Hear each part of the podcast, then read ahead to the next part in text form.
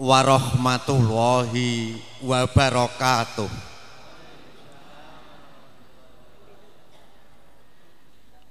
Alhamdulillahi rabbil alamin. Wassalatu wassalamun ngalal asrofil amya'i wal mursalin. Wa ala alihi wa ashabihi ajma'in Ashadu an la ilaha illallah Wa ashadu anna Muhammadan abduhu wa rasuluh. Allahumma sholli ala Muhammad wa ala alihi wa sahbihi ajmain. Kaum muslimin wal muslimat rahimakumullah saderengipun kula ngaturaken agenda wonten ing edisi akad pagi ke-62 enjang menika keparenga kula ngajak dumateng diri pribadi lan jamaah sedaya. Monggo sareng-sareng sami kita mangalembono dumateng ngarsanipun Allah Subhanahu wa taala pilih ngantos ing enjang menika kanthi izinipun Allah. Kita sedaya saged makempal nyawiji silaturahmi wonten ing halaman pondok Imam Suwada kados ing enjang menika. Jamaah peserta kajian akad pagi ingkang dipun mulyakaken dening Allah Subhanahu wa taala. Pilih jurnal akad pagi edisi ke-62. Majelis Tablik Muhammadiyah cabang Blimbing daerah Sukoharjo dinten Ahad tanggal 3 Sawal sewu kawangat kawanatus tigang doso songo hijriah bertepatan tanggal 17 Juni 2018 Masai waktu jam 7 sampai jam 9 tempat Masjid Ponpes Imam Suhodo Pembicara ingkang ongkos tunggal enjang menika mangke panjenenganipun Kyai Haji Solahuddin Sirijar LCMA Direktur Pontren Imam Suhodo. Pilih enjang menika mangke temanipun tanya jawab agama. Pembicara yang kedua untuk spesial Ahad pagi edisi ke-62 mangke ingkang badhe medar sabdo panjenenganipun Profesor Dr. Haji Muhammad Amin Rais MA panjenenganipun Ketua Pimpinan Pusat Muhammadiyah periode 1995 2000 Ketua MPR RI tahun 1999 2004 pilih enjang menika mangke mengambil tema membangun karakter Indonesia bertakwa. Jamaah peserta kajian akad pagi yang dirahmati Allah Subhanahu wa taala kegandengan kalian wekdal kangge gemeni acara ingkang ongkos tunggal nggih pembukaan. Kalajengaken acara ingkang ongko kalih kajian sesi yang pertama 30 menit. Acara yang ketiga jeda informasi. Dilanjutkan kajian sesi yang kedua 30 menit Acara yang kelima Kajian edisi spesial Idul Fitri 1439 Hijriah. Acara ingkang angka pungkasan nggih penutup. Majelis Tablik bersama keluarga besar Muhammadiyah Cabang Blimbing mengucapkan selamat Hari Raya Idul Fitri 1439 Hijriah Taqabbalallahu minna wa minkum. Siamana wa siamakum. Kulu amin wa antum bi khairin. Makatan dumateng jamaah peserta kajian akad pagi edisi ke-62 wonten ing enjang menika kangge gancaraken wekdal acara enggal kita wiwiti acara ingkang angka setunggal nggih pembukaan. Sumangga kajian Ahad pagi spesial edisi Idul Fitri edisi ke-62. Kita BK bersama-sama melafalkan kalimah basmalah Bismillahirrahmanirrahim Acara yang kedua Kajian sesi yang pertama 30 menit. Kepada beliau Yai Haji Solahuddin Siriyar LCMA Waktu dan tempat kami haturkan. Semoga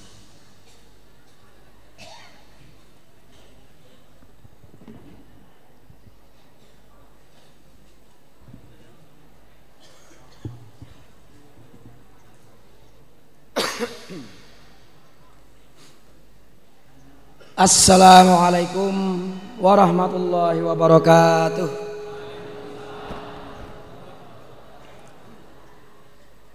Alhamdulillah.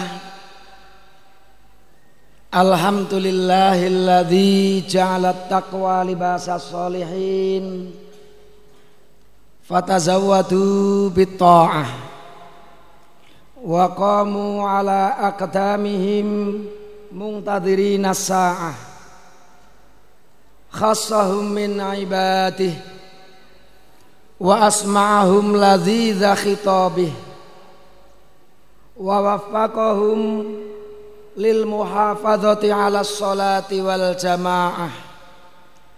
Istara minal mu'minina anfusahum wa amwalahum bi anna lahumul jannah ala ahsani bidha'ah Asyhadu an la ilaha la syarikalah wa asyhadu anna Muhammadan abduhu wa la nabiyya ba'dah.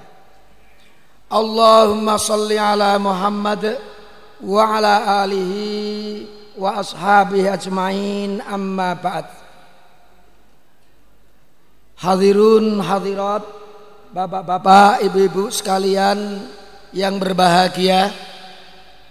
Pertama, mari kita selalu panjatkan puji syukur kehadirat Allah Subhanahu wa taala atas segala nikmat yang telah diberikannya kepada kita semua, khususnya nikmat iman dan Islam. Hadirun hadirat sekalian yang berbahagia, kita wajib bersyukur juga kepada Allah Subhanahu wa taala karena kita benar-benar telah diberi kesempatan oleh Allah untuk melewati bertemu dengan bulan yang penuh dengan keberkahan Allah, bulan Ramadan. Mudah-mudahan kita semuanya termasuk yang tidak banyak menyesal ketika kita melewati bulan Ramadan tersebut. Sholatnya tidak bolong, puasanya tidak bolong kecuali memang yang memang ada udur syar'i. Dan ibadah-ibadahnya juga tidak bolong-bolong. Kita optimal di dalam mencari pahala dari Allah di bulan tersebut, maka hari ini kita benar-benar berharap mudah-mudahan apa yang sudah kita jalankan kemarin, ibadah-ibadah kita, amal soleh kita benar-benar diterima oleh Allah Subhanahu wa taala. Dan kita menjadi yang diharapkan oleh Allah. Karena Allah ketika memerintahkan kita berpuasa itu tujuannya la'allakum tattaqun. Kita menjadi orang-orang yang beriman dan juga bertakwa kepada Allah Subhanahu wa taala. Bapak-bapak, ibu-ibu kita tahu kunci dari at-taqwa itu adalah at-ta'ah. Taat, pasrah, bongkoan dengan aturan-aturan Allah. Sami'na wa ata'na. Apa pun perintah Allah kita laksanakan. Apa pun yang diharamkan oleh Allah kita tinggalkan. Ketaatan yang mutlak seperti ini dalam segala lini kehidupan kita maka menjadikan kita manusia yang benar-benar bertakwa. Dan itu seperti yang disampaikan oleh Allah, inna akramakum indallahi atqakum. Mudah-mudahan kita disebut oleh Allah manusia-manusia yang paling mulia dibandingkan yang lain karena ketakwaan kita kepada Allah Subhanahu wa taala. Bapak-bapak, ibu-ibu sekalian yang berbahagia, saya mohon maaf pada bulan Ramadan kemarin bolos mestinya punya satu jadwal tapi saya kebetulan diundang di Purworejo Tempatnya di Universitas Muhammadiyah Purworejo yang mengundang PDM dan PDA dari Kabupaten Purworejo. Karena untuk menghormati mereka ya kami menghadirinya meskipun dilakukan oleh PDM tapi jamaahnya tidak sebanyak jamaah yang ada di sini. Tapi insya Allah semangatnya tidak kalah. Itulah warga Muhammadiyah yang selalu ingin bertafakufiddin baik secara formal maupun secara non formal. Bapak-bapak, ibu-ibu sekalian yang berbahagia, seperti biasa saya di sini akan menjawab beberapa pertanyaan yang sudah begitu banyak menumpuk meskipun sudah di atas 30 umpamanya ada lebih itu saya mohon maaf setiap mengkajinya mungkin sedikit-sedikit. Karena 30 langsung dijawab bisa saja boleh tidak boleh boleh tidak boleh selesai. Tapi kita nanti tidak mendapatkan banyak manfaat dari jawaban tersebut maka saya ingin menjawab pertanyaan-pertanyaan agak mendetail sehingga kesannya ya agak lambat. Mungkin satu pertemuan lima atau paling pol itu delapan pertanyaan bisa terjawab tapi insya Allah yang lainnya nanti ngantri. Mudah-mudahan kalau kita terus mengaji semuanya pada waktunya akan terjawab insya Allah. Bapak-bapak, ibu-ibu sekalian yang berbahagia Yang pertama Ustadz Ini pertanyaannya berat sudah lama ini. Sejak pertemuan saya per, kedua atau ketiga itu sudah muncul tapi belum sempat terjawab.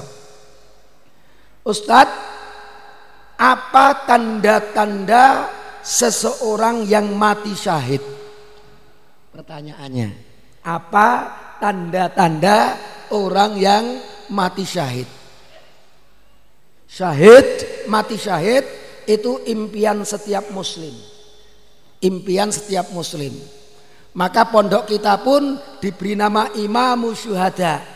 Kita berharap menjadi pemimpin-pemimpinnya orang-orang yang mati syahid. Imamu Syuhada. Nek Jawa ya Imam Suhodo. Imamus Syuhada. Imamnya, pemimpinnya mereka yang mati syahid. Bapak-bapak, ibu-ibu sekalian yang berbahagia, Mati syahid itu para ulama membagi menjadi tiga macam.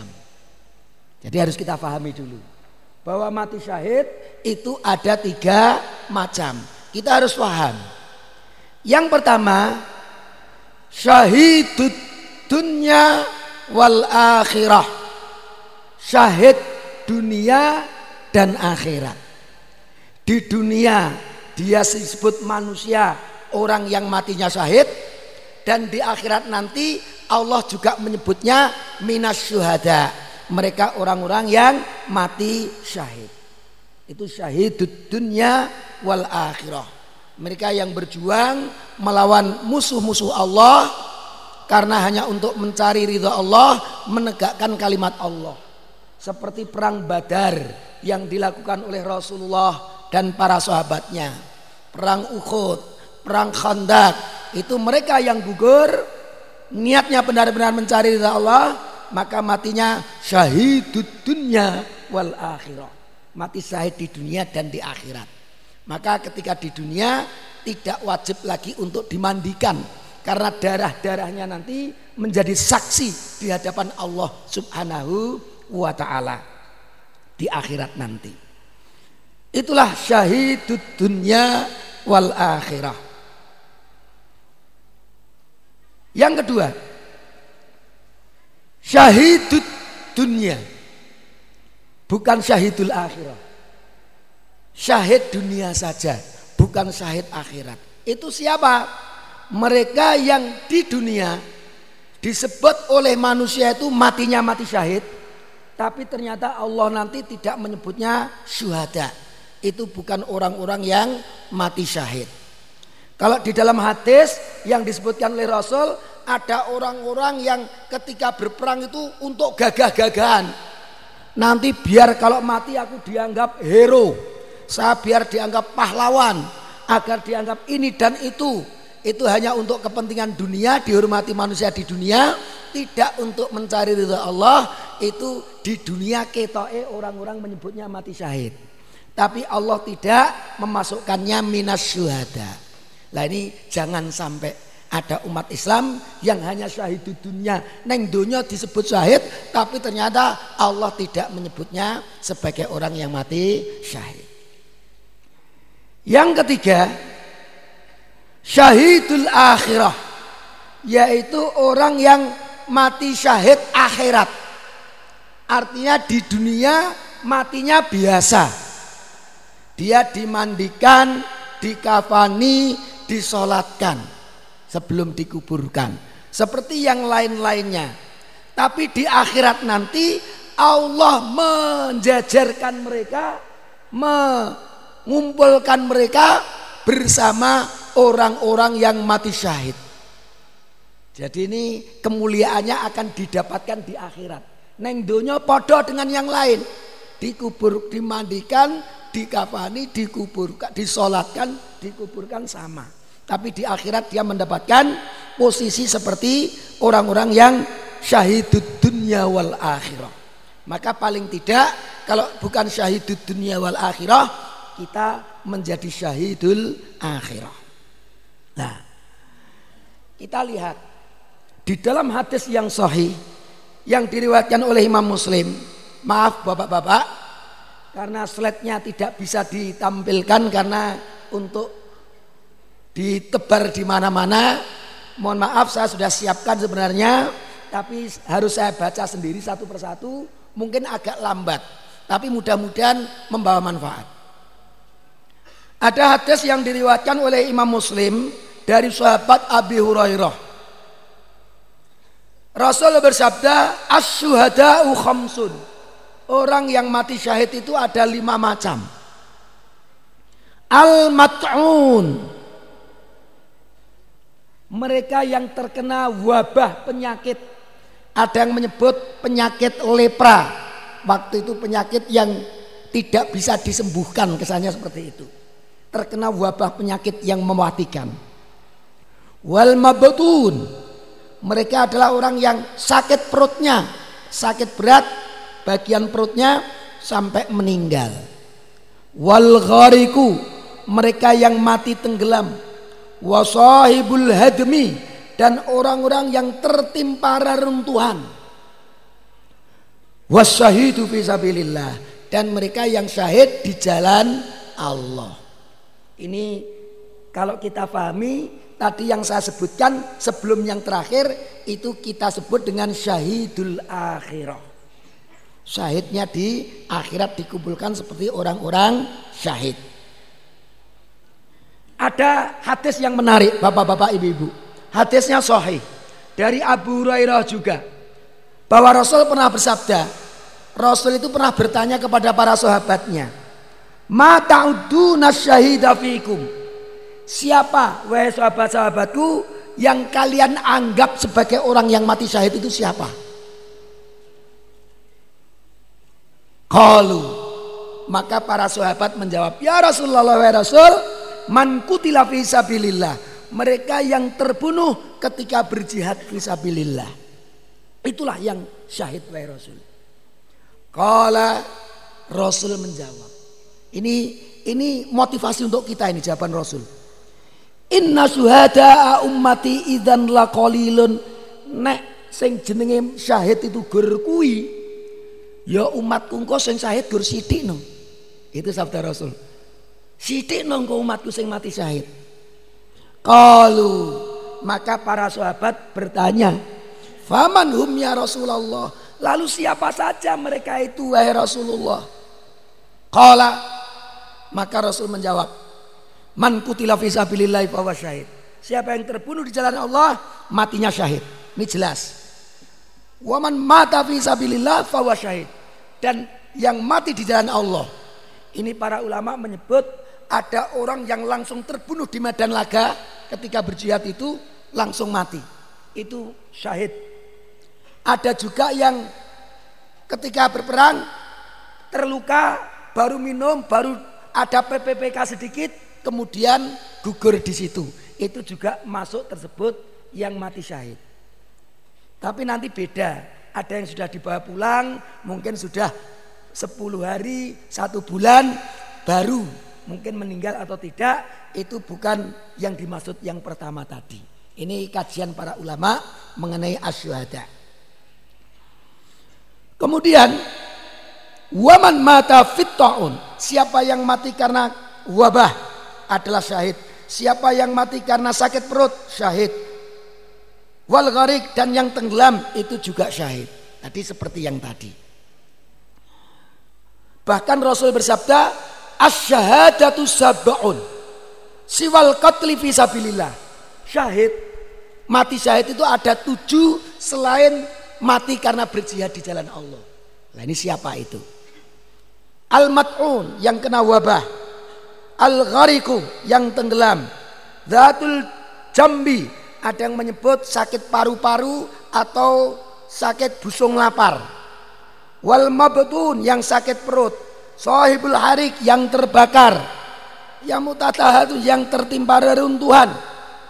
Wal mar'atu tamutu bijam'in dan wanita yang meninggal ketika mengandung atau melahirkan. Ini juga termasuk asyahid. Itu luar biasa. Bahkan ada hadis lagi. Hadis yang sahih diriwayatkan oleh Imam Muslim. Seorang laki-laki ada yang bertanya kepada Rasul. Ya Rasulullah, wahai Rasul, araita in ja'a rajulun yuridu ahda mali. Bagaimana Rasul kalau ada orang datang ke saya mau merampas merampok harta saya? Jadi neng omah ada perampok neng omah. Gue duit ada yang mau merompot duitnya itu. Bagaimana itu Rasul? Kala falatuti malaka. Kamu jangan berikan uang itu pada perampok itu. Jadi nek arep dirampok ojo dikeke. Itu perintah Rasul. Ojo dikeke.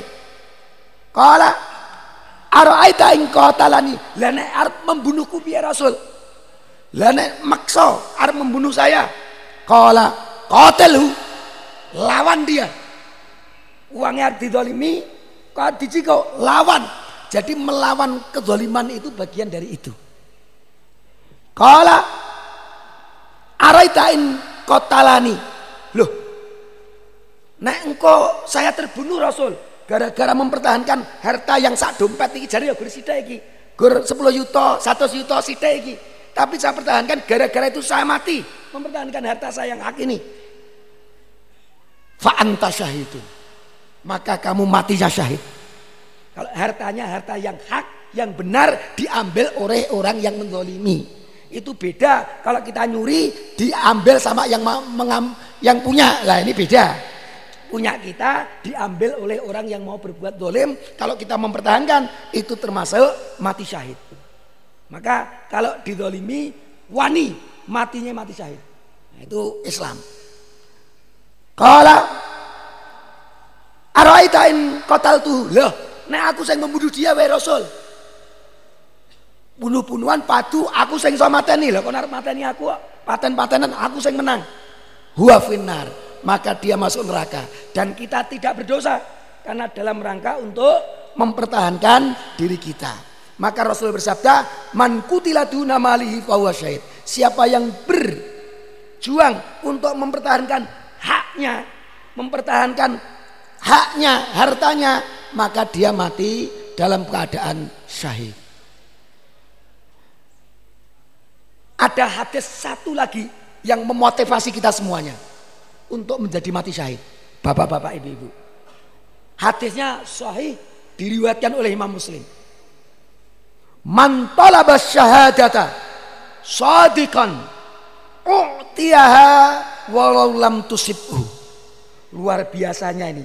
Mudahnya Allah memberikan kita peluang untuk menjadi syuhada. Siapa yang terus berdoa kepada Allah dengan segenap hatinya, sepenuh hatinya untuk mati syahid. U'tiyaha, maka Allah memberikan syahadah itu kepadanya walau lam tusibhu. Meskipun dia ternyata tidak mendapatkan. Tenggelam yaura kebakaran yaura macam-macam tadi yaura pokoknya tanda-tanda tadi tidak. Tapi kita berdoa ya Allah mudah-mudahan saya nanti dikumpulkan dengan orang-orang yang syahid. Itu insya Allah dengan segenap hati tidak plin plan tidak ragu-ragu maka insya Allah Allah memasukkan kita kepada mereka asyhada hadisnya sahih diriwayatkan oleh Imam Muslim. Maka mari kita memperbanyak. Ya Allah masukkanlah kami kepada golongannya orang-orang yang syahid dengan sepenuh hati kita. Mudah-mudahan kita termasuk di dalamnya. Amin. Jadi syahidul akhirah tadi kalau kita simpulkan banyak. Terkena wabah lepra, sakit perut, tenggelam, ada paru-paru, sohibudzatil jambi, terbakar, wanita yang melahirkan, mempertahankan haknya, hartanya, termasuk mereka yang terus berdoa dengan sungguh-sungguh untuk mencari menjadi syuhada. Ini nanti juga termasuk tanda-tanda orang itu nanti masuknya mati, matinya mati syahid. Ada tanda khusus. Jangan-jangan yang ditanyakan yang ini tanda khusus. Tapi kelihatannya ini tidak terkait saja dengan syahid syuhada, tapi lebih terkait dengan husnul khotimah. Tanda orang yang husnul khotimah. Karena matinya mati syahid itu juga salah satu tanda bahwa dia husnul khotimah. Ada tanda khusus. Hadisnya diriwatkan oleh Imam Ahmad, An-Nasai dan Ibnu Majah. Bahwa Ibnu Buraidah dapat berita dari bapaknya yaitu Buraidah waktu itu di Khurasan dan saudaranya sakit berat dan mati dalam keadaan sakit berat. Wawa ya dan dia dalam keadaan sakit berat. Maka ketika tahu ada saudaranya yang mati karena peristiwa yang sangat berat, dia mengucapkan Allahu Akbar. Aku mendengar Rasul pernah bersabda, mautul mukmini matinya orang mukmin biarokil jabini dengan berkeringat dahinya. Tanda-tandanya dahinya berkeringat. Matinya orang-orang mukmin itu biarokil jabin. Dahinya berkeringat. Para ulama hadis menyebut hadis ini bisa dijadikan dasar hukum. Tapi para ulama memberikan tafsiran pemahaman dari maksud ini. Orang mukmin tandanya orang yang khusnul khotimah termasuk yang matinya syahid itu adalah dahinya berkeringat. Makna yang pertama, seorang mukmin kehidupannya yang dipenuhi dengan amal yang soleh, ketaatan kepada Allah, menjauhi kemaksiatan, sehingga ketika dia meninggal, dia dalam keadaan berkeringat. Seperti orang yang bekerja keras, ketika keringete wis brul-brulan entuk sangu dapat upah itu berkeringat karena hasil keringatnya. Ketika amal solehnya maksimal, itu ketika nanti dipanggil oleh Allah, itu dia berkeringat hasil amal soleh dan ibadahnya di dunia. Satu. Makna yang kedua, pada saat meninggal dunia dan mendapatkan kabar gembira tentang balasan kebaikan yang akan diterimanya, seorang muslim terus merasa malu kepada Allah karena merasa seakan-akan tidak pantas dengan keadaannya kalau karena itu dia sampai berkeringat. Jadi karena dia mendapat kabar gembira syuhada minas syuhada akan langsung diridhoi oleh Allah itu merasa loh aku koyo-koyo nih kok ramu kan saking apa itu bergembiranya dia mengeluarkan banyak berkeringat. Malu aku goreng ini masuk syuhada Rasul masuk zuhada wahai Allah itu maksudnya. Sampai berkeringat. Yang ketiga seorang mukmin berjuang menghadapi masa-masa syakaratul maut dengan penderitaan sehingga menyebabkan dia berkeringat penderitaan yang dialami menjelang kematian itu adalah sarana penghapus dosa-dosa yang tersisa sehingga ketika dia meninggalkan dunia habislah dosa-dosa itu darinya. Itulah keringat yang keluar dari orang-orang yang husnul khatimah termasuk yang mereka matinya minas syuhada. Itulah bapak-bapak, ibu-ibu karena ada satu hadis itu maukuf. Ini berarti bukan hadis tapi asar. Berdasarkan pernyataan Abdullah bin Mas'ud. Beliau mengatakan, "Innal mu'mina tabqa khataya min khatayahu." Sesungguhnya seorang mukmin yang tersisa dosa-dosanya yujaza biha indal maut. Dibalas ketika menjelang meninggal dunia. roku min dzalika jabinuhu sehingga ketika dibalas dosa-dosanya ketika mau mati itu dia mengeluarkan banyak keringat. Jadi dosa-dosanya ketika dibalas ketika sakaratul maut nanti untuk menghabiskan dosa-dosanya setelah melewati sakaratul maut. Itulah makna para ulama mengenai hadis Rasulullah Sallallahu Alaihi Wasallam. Bapak-bapak, ibu-ibu, ternyata satu jawaban wes setengah jam. Saat niki apa mengke? Saat nggih. Monggo.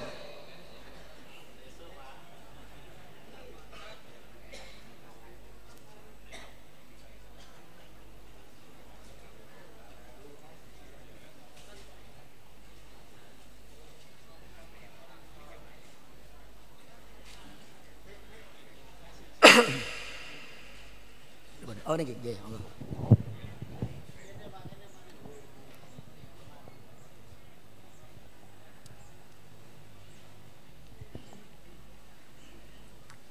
Bapak-bapak, ibu-ibu hadirin peserta kajian Akad pagi edisi ke-62. Sesi yang pertama sudah lewat. Kita masuk acara yang ketiga yaitu jeda informasi. Informasi yang pertama, laporan keuangan Ahad pagi edisi kemarin, edisi ingkang ongko swidak setunggal tanggal pitulas Juni kalih ewu Saldo awal 56 juta 250 ribu 200 rupiah. Pengeluaran 31 juta 260 ribu. Saldo akhir 24 juta 990 ribu 200 rupiah. Infak 18 juta 474 ribu 800 rupiah. Informasi yang kedua, mohon kepada para jamaah untuk bisa memutar kotak infak yang telah disediakan panitia dan untuk bisa mengisinya tidak hanya sekedar memutar tapi juga diisi. Mohon juga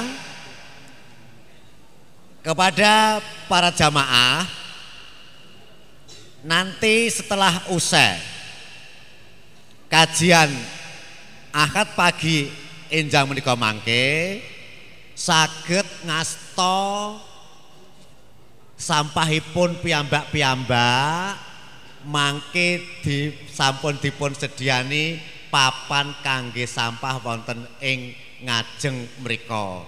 Dados supados panitia nggih mboten pati napa nggih nggih niki damlane kathah jaman menika menawa pindah malih kanthi sanget mangke kondur sinartan ngasto sampahipun piyambak-piyambak. Nyuwun ugi mangke kajian sak sampunipun milai panjenenganipun Bapak Amin Rais para jamaah mangke saged menatakan diri supados jamaah ingkang nembe rawuh mangke saged mlebet. Miturut informasi ngantos wekdal menika tasih kathah jamaah ingkang berdatangan. Nggih mila mangke sesudah kajian sesi yang pertama niki nggih kalih ngubahne awak gendora kaku mengke saged ngubahke awak karo nata sofe gen amot akeh Salajengipun informasi yang ketiga, Insya Allah setiap akad keempat kajian akad pagi akan digunakan untuk tanya jawab agama. Dados poro jamaah mangke mbok bilih ngersakaken pertanyaan saged nyerat mangke saged dipun cemplungaken wonten ing nalikanipun kotak infak mubeng. Mangke badhe kajawab panjenenganipun Ustadz Siriar nggih. Salajengipun pekan Ahad pagi ini yang mendapat giliran dana organisasi dari infak Ahad pagi inggih menika pendidikan yang di bawah rasio. Enjang menika mangke ingkang pikantuk dana organisasi nggih menika BA Aisyah Jatirejo soho BA Aisyah Kayu apa? Sepindah malih enjang menika mangke ingkang pikantuk dana organisasi Bustanul Atfal Aisyah Jatirejo soho Bustanul Atfal Aisyah Kayu apa? Sak sampunipun kajian menika mangke rampung saged nemoni papan MC mriki informasi yang selanjutnya dumateng jamaah ingkang ngersakaken stempel majelis tablek kangge keperluan tugas atau sekolah atau dinas saged ngubungi Mas Kolib di meja presensi depan gerbang. Salajengipun informasi pengajian Ahad pagi ingkang badhe dateng. Benjing Ahad niki Bapak Ibu jamaah. Ahad tanggal 24 Juni 2018 edisi yang ke-63 Insya Allah benjing Ahad menika pembicara tasih panjenipun Kiai Haji Solahuddin Siriyar LCMA Direktur Pontren Imam Suwodo mangke tasih badhe nglajengaken tanya jawab agami. Nglajengaken jawaban ingkang enjang menika mangke dereng saged kajawab. Dipun lajengaken benjing ahad ingkang badhe dateng. Mekaten informasi-informasi saking panitia mugi-mugi ndadosno kauningan dumateng kita sedaya. Saklajengipun kita lajengaken kajian sesi yang kedua 30 menit ugi.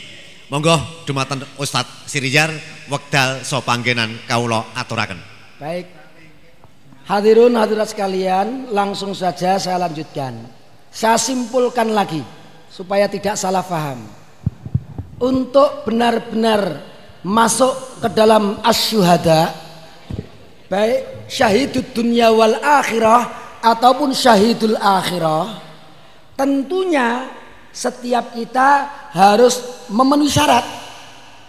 Syaratnya dia benar-benar muslim bersyahadat sholat lima waktu berpuasa di bulan Ramadan ketika kaya mengeluarkan zakat ketika mampu haji beribadah haji nek ratau gelem sholat ratau gelem poso jangan berharap jadi mati syahid. Yang kedua mukmin benar beriman kepada Allah kepada para malaikat kepada kitab-kitab Allah kepada para rasul Allah terakhir Nabi Muhammad kepada uh, hari akhir dan kepada kodo dan kodar dari Allah. Wajib itu rukun iman. Nek ra percaya dengan iman enam ini Jangan berharap menjadi mati syahid. Yang terakhir, dia setelah beriman itu dia taat apa yang dia pahami dari pemahaman agamanya, dia laksanakan dengan sebaik-baiknya menjadi orang yang taat kepada Allah, menjadi orang yang terus beramal soleh, berlomba-lomba dalam kebaikan. Maka kalau orang itu tenggelam, kebakar, ini dan itu yang tadi disebutkan, insya Allah mereka menjadi suhada. Ngerek ragilem sholat, apalagi bukan muslim. Jangan berharap menjadi syahid, masuk surga ora jaluk syahid. Bapak-bapak, ibu-ibu sekalian yang berbahagia, yang kedua, Ustadz, ini juga pertanyaan berat, jawabnya perlu panjang. Apa diperbolehkan atau ada larangan kita memajang gambar atau foto atau termasuk kaligrafi pada dinding rumah. Ini pertanyaannya masalah gambar, termasuk kaligrafi ditanyakan. Ini masalah hukum gambar. Bapak-bapak kan yo cek rada bingung toh iki. Gambari janjane oleh ora to? Baik. Dalam bahasa Arab itu ada as-surah Surah itu gambar atau at-taswir penggambaran, musawir orang yang menggambar. Tapi kalau kita pahami as-surah atau at-taswir itu satu yang tiga dimensi, gambar tiga dimensi itu yang bikin patung. Gambarnya tiga dimensi itu artinya bikin patung, seni pahat. Itu masuk di dalamnya. Masalah gambar menggambar. Yang kedua, menggambar atau seni lukis, lukis melukis, nganggo cat, nganggo pulas, nganggo pensil pena, itu seni lukis. Asurah di sana juga masuk memotret, seni pemotretan, motret itu kan juga memfoto itu, motret. Bahkan tidak keluar memotret gambar yang bergerak, artinya nyoting Nyoting itu kan bergerak ini. Keadaannya itu ragur ngadek tapi gerak juga gambarnya. Itu juga sebenarnya masuk dalam asurah itu. Karena ada surah itu. Gambar itu yang dua dimensi, ada yang tiga dimensi. Ini temanya saya perlebar sekalian. Bapak-bapak, ibu-ibu sekalian yang berbahagia. Tentunya kita memahami masalah gambar ini perlu memahami ilmu makosidus syariah. Maksud Allah membuat syariat. Karena maksud Allah membuat syariat itu nanti doruriatnya itu ada lima tingkatan. Ketika Allah membuat syariat itu tujuan utamanya adalah lihifdiddin untuk menjaga agama. Mengapa Allah memerintahkan orang berjihad sampai mati? Karena dalam rangka untuk mempertahankan agama. Yang mati satu, sepuluh, dua puluh, tapi untuk menyelamatkan masyarakat yang jutaan. Itu intisari dari berjihad. Mengapa diperintahkan? Karena dalam rangka menjaga agama. Yang kedua, menjaga jiwa. Tujuan agama kita itu menjaga jiwa. Maka saling bunuh tanpa alasan tidak boleh. Bahkan kisos hukumannya berat sekali. Mengapa? Supaya manusia tidak mudah untuk menghilangkan nyawa orang lain. Karena Allah memberikan kisos itu. Yang ketiga, li hafdil akal, menjaga akal. Maka ketika Allah mengharamkan minuman keras, itu sebenarnya dalam rangka Allah itu ingin menjaga akal manusia. Kalau orang itu minuman keras, akalnya nanti bisa hilang sementara dan mungkin bisa hilang untuk jangka waktu yang panjang. Menjadi tidak normal lagi. Yang keempat, lihifdil ardi untuk menjaga kehormatan. Mengapa Islam merintahkan untuk menikah? Mengapa Islam mengharamkan berbuat zina? Ini dalam rangka untuk menjaga kehormatan, untuk menjaga keturunan. Maka karena saya menikah, anak saya lima, insya Allah saya masih terhormat. Karena apa? Karena menikah. Coba kalau ada seorang gadis belum menikah, nggak punya suami, ke sini hamil besar, kira-kira wani pengajian pora? Orang wani itu rusak itu ke, apa itu kehormatannya itu. Loh, siapa siapa yang mengambil rawani pengajian? Kenapa kehormatannya? Itulah agama kita. Jadi perintah agama itu dalam rangka untuk menjaga kehormatan dan juga keturunan. Kalau tidak nikah itu itu ndek sapa bingung. Pacare rong puluh hamil lagi sing diki A B C D ramudeng itu juga bisa menghilangkan keturunan. Di antaranya juga untuk menjaga harta. Riba nggak boleh mencuri, nggak boleh merampok. Itu mengapa semuanya diharamkan? Dalam rangka untuk menjaga harta. Tidak boleh seseorang ngambil harta orang lain itu dalam dengan cara yang zalim. Itulah Islam menjaga. Maka kalau urusan dunia ketika itu dalam rangka untuk kebaikan-kebaikan. Itu bukan masalah ibadah loh. Nah ibadah sami nawatokna tunggu perintah ikut perintahnya tata caranya podo.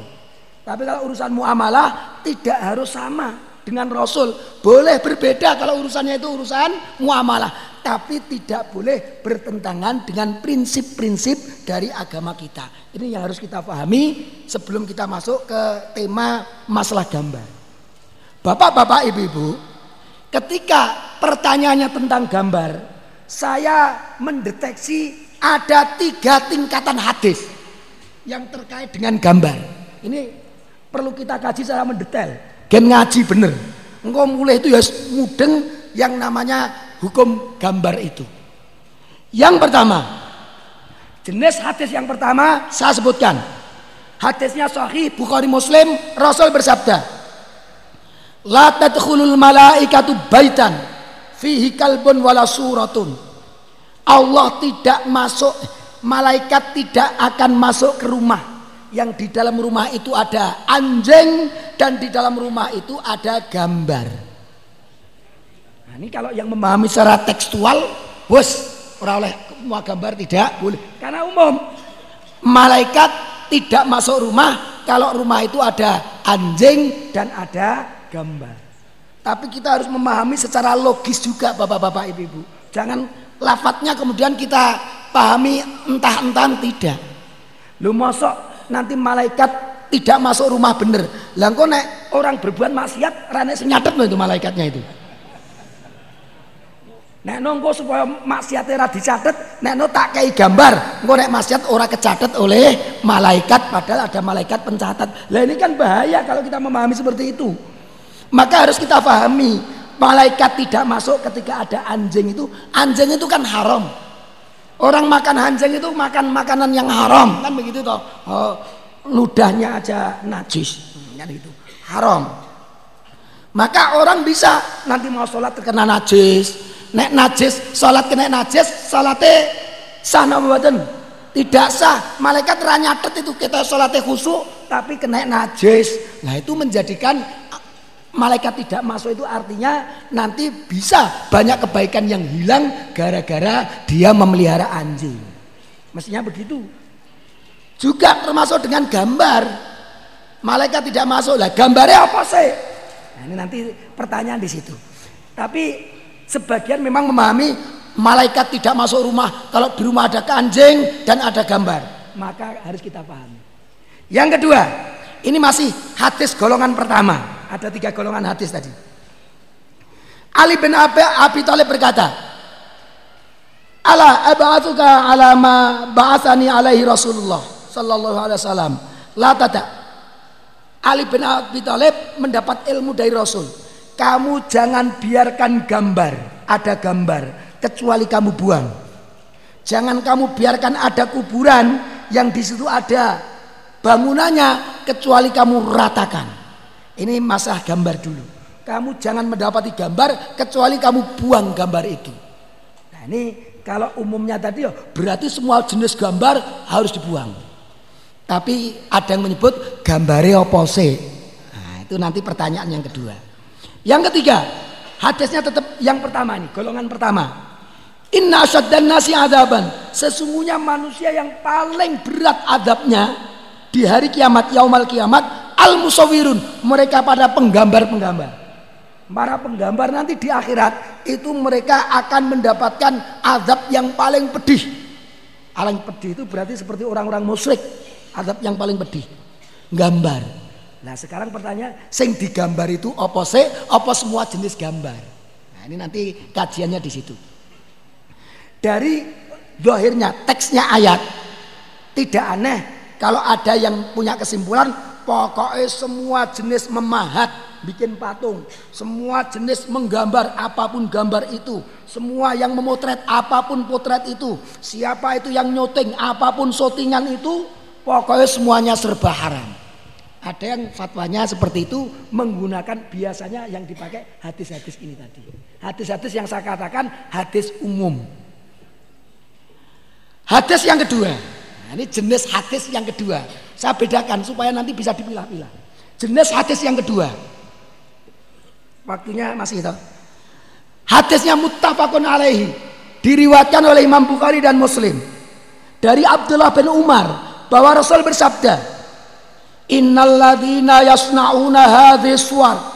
Sesungguhnya orang-orang yang membuat gambar ini yu'adzabuna yaumal qiyamah. Nanti di hari kiamat akan diadab oleh Allah. Yuqalu lahum dikatakan kepada mereka ahyu ma khalaqtum. Kamu harus menghidupkan apa yang kamu gambar.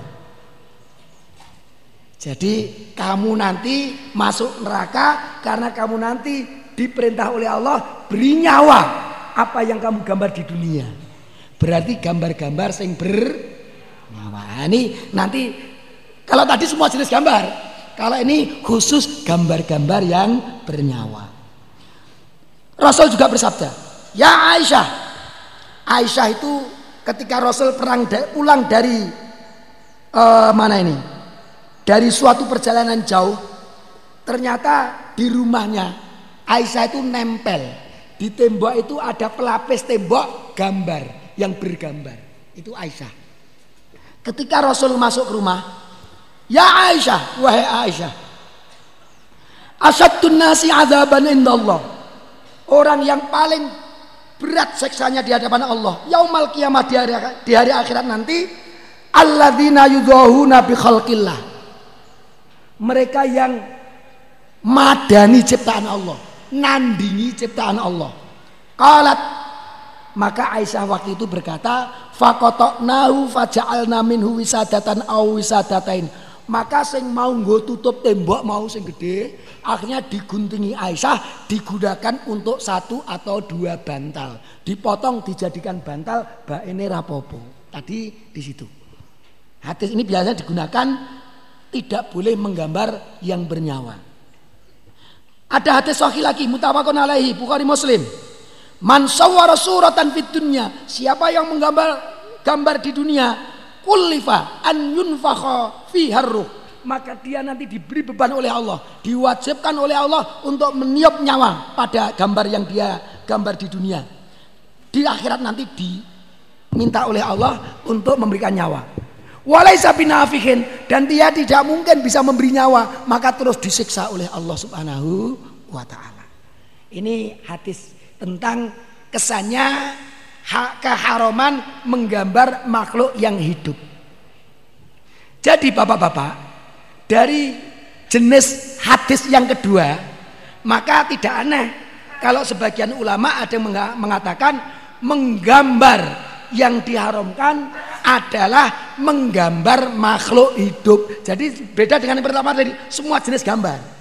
Tapi kalau ini hanya gambar makhluk hidup, gambar menungso, gambar jin, gambar malaikat, gambar hewan, itu makhluk-makhluk hidup itu yang masuk di dalam hadis tadi. Termasuk tumbuh-tumbuhan nama batin. Tumbuh-tumbuhan ini makhluk hidup nama batin. Tambah gede, tambah gede, tambah gede. Makhluk hidup. Nah, menjadi pertanyaan. Iki ya makhluk hidup tapi bernyawa enggak? Nah pertanyaan di situ orang bernyawa tapi hidup. Nah itu ternyata ada yang hidup tapi tidak bernyawa. Karena bisa tumbuh, bisa berkembang itu tanda kehidupan. Ada hadis. Kullu musawwirin finnar. Semua penggambar itu masuk neraka. Yuj'alu bikulli suratin sawara nafsun. Dia diminta untuk memberi nyawa setiap gambar itu. Fayu'adzibu fayu'adzibuhu fi jahannam. Maka Allah mengadabnya di neraka jahanam. Ibnu Abbas, Abdullah bin Abbas berkomentar. Fa in kuntala buddha fa'ilan, nek kue terpaksa gambar, fasna isyajaro, maka gambar saja pohon. Wala ruhafihi, wa mala ruhafihi atau yang tidak bernyawa. Ibnu Abbas termasuk nek gambar nek iso sing bukan bernyawa. Pohon meskipun tumbuh, meskipun hidup ning ora bernyawa, ya kuwi ora apa-apa.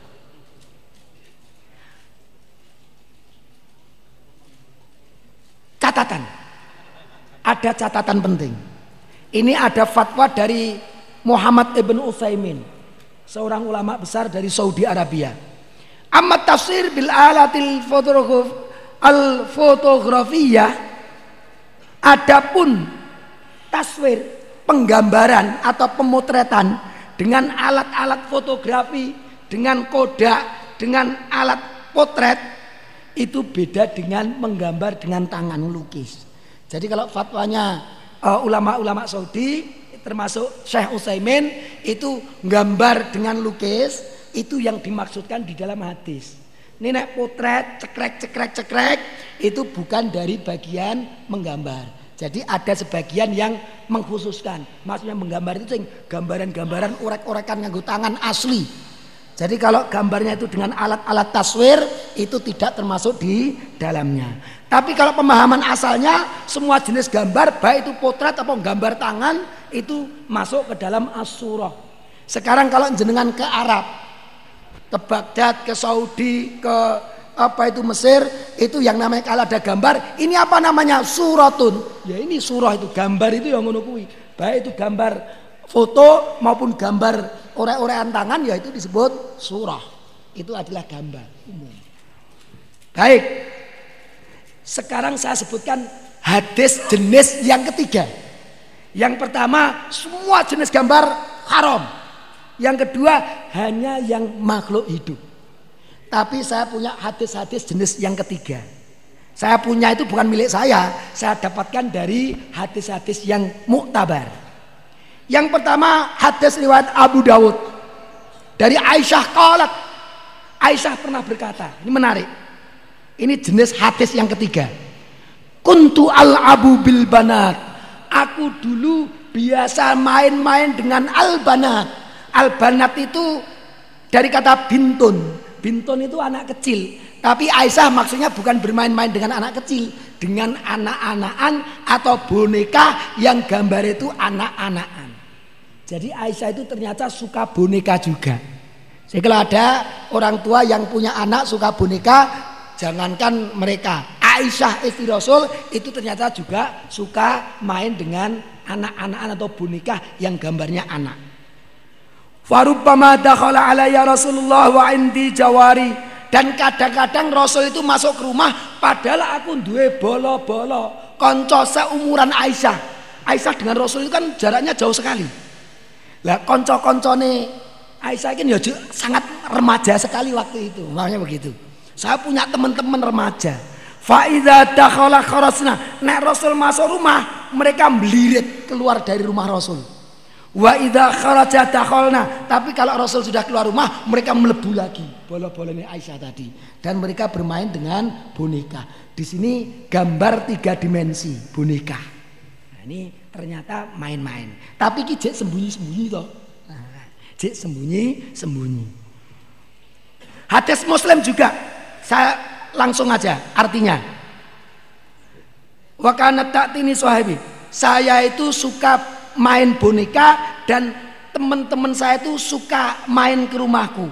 Fakunna yang komekna dan mereka itu dewe Nek Rasul neng lor, kono bagian kidul. Nek Rasul neng ngarep, kono bagian buri. Jadi konco-koncone Aisyah itu pokoknya rawani cedak Rasul. Jadi main-main karo Aisyah ning dewe. Rasul di sana nang kene. Ya mak memper.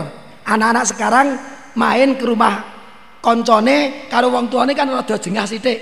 Wong tuane kono melayu rene kan gitu. Itu ternyata juga terjadi di zaman Rasul Aisyah dengan teman-temannya. Ada yang menarik ini. Ini hadis Bukhari juga sama seperti itu tadi. Yang menarik ini hadis yang diriwayatkan oleh Abu Dawud. Saya singkat saja. Tadi ada banyak hadis yang saya sampaikan, tapi menuju ke hadis Abu Dawud dari Aisyah radhiyallahu anha. Qatima Rasulullah, Rasul datang dari Ghazwah Tabuk atau Khaybar, dari perang Tabuk atau perang Khaybar. Ini sudah akhir-akhir perang Tabuk atau perang Khaybar. Wa fi syahwatiha sitrun. Dan ternyata Aisyah itu punya kain penutup tembok. Maka kain penutup temboknya itu kena angin maka biak faka syafat atas sitri sehingga yang sebelumnya tertutup itu tersingkap lah ini lanjutannya kira-kira. Kalau tadi delik-delik dari Rasul lanjutannya ini. Suatu saat Rasul pulang dari perang, tutupannya Aisyah tadi tertiup angin ketok di balik apa itu tutupan dinding Aisyah tadi. Kaine nyingkap kelihatan ada yang di baliknya. Mahada ya Aisyah. Rasul kaget. Loh, apa kui Aisyah? Di balik tembok itu ternyata kena angin tersingkap Aisyah ndelik sesuatu. Kolat Aisyah menjawab, banati. Wahai Rasul, itu boneka-bonekaku. Boneka, ada boneka anak-anak, ada boneka nanti salah satunya ini. Warabainahuna farosan. Dan di antara bonekanya Aisyah ragur siji ini. Di antara boneka-boneka Aisyah itu ada boneka yang berbentuk farosan, berbentuk kuda.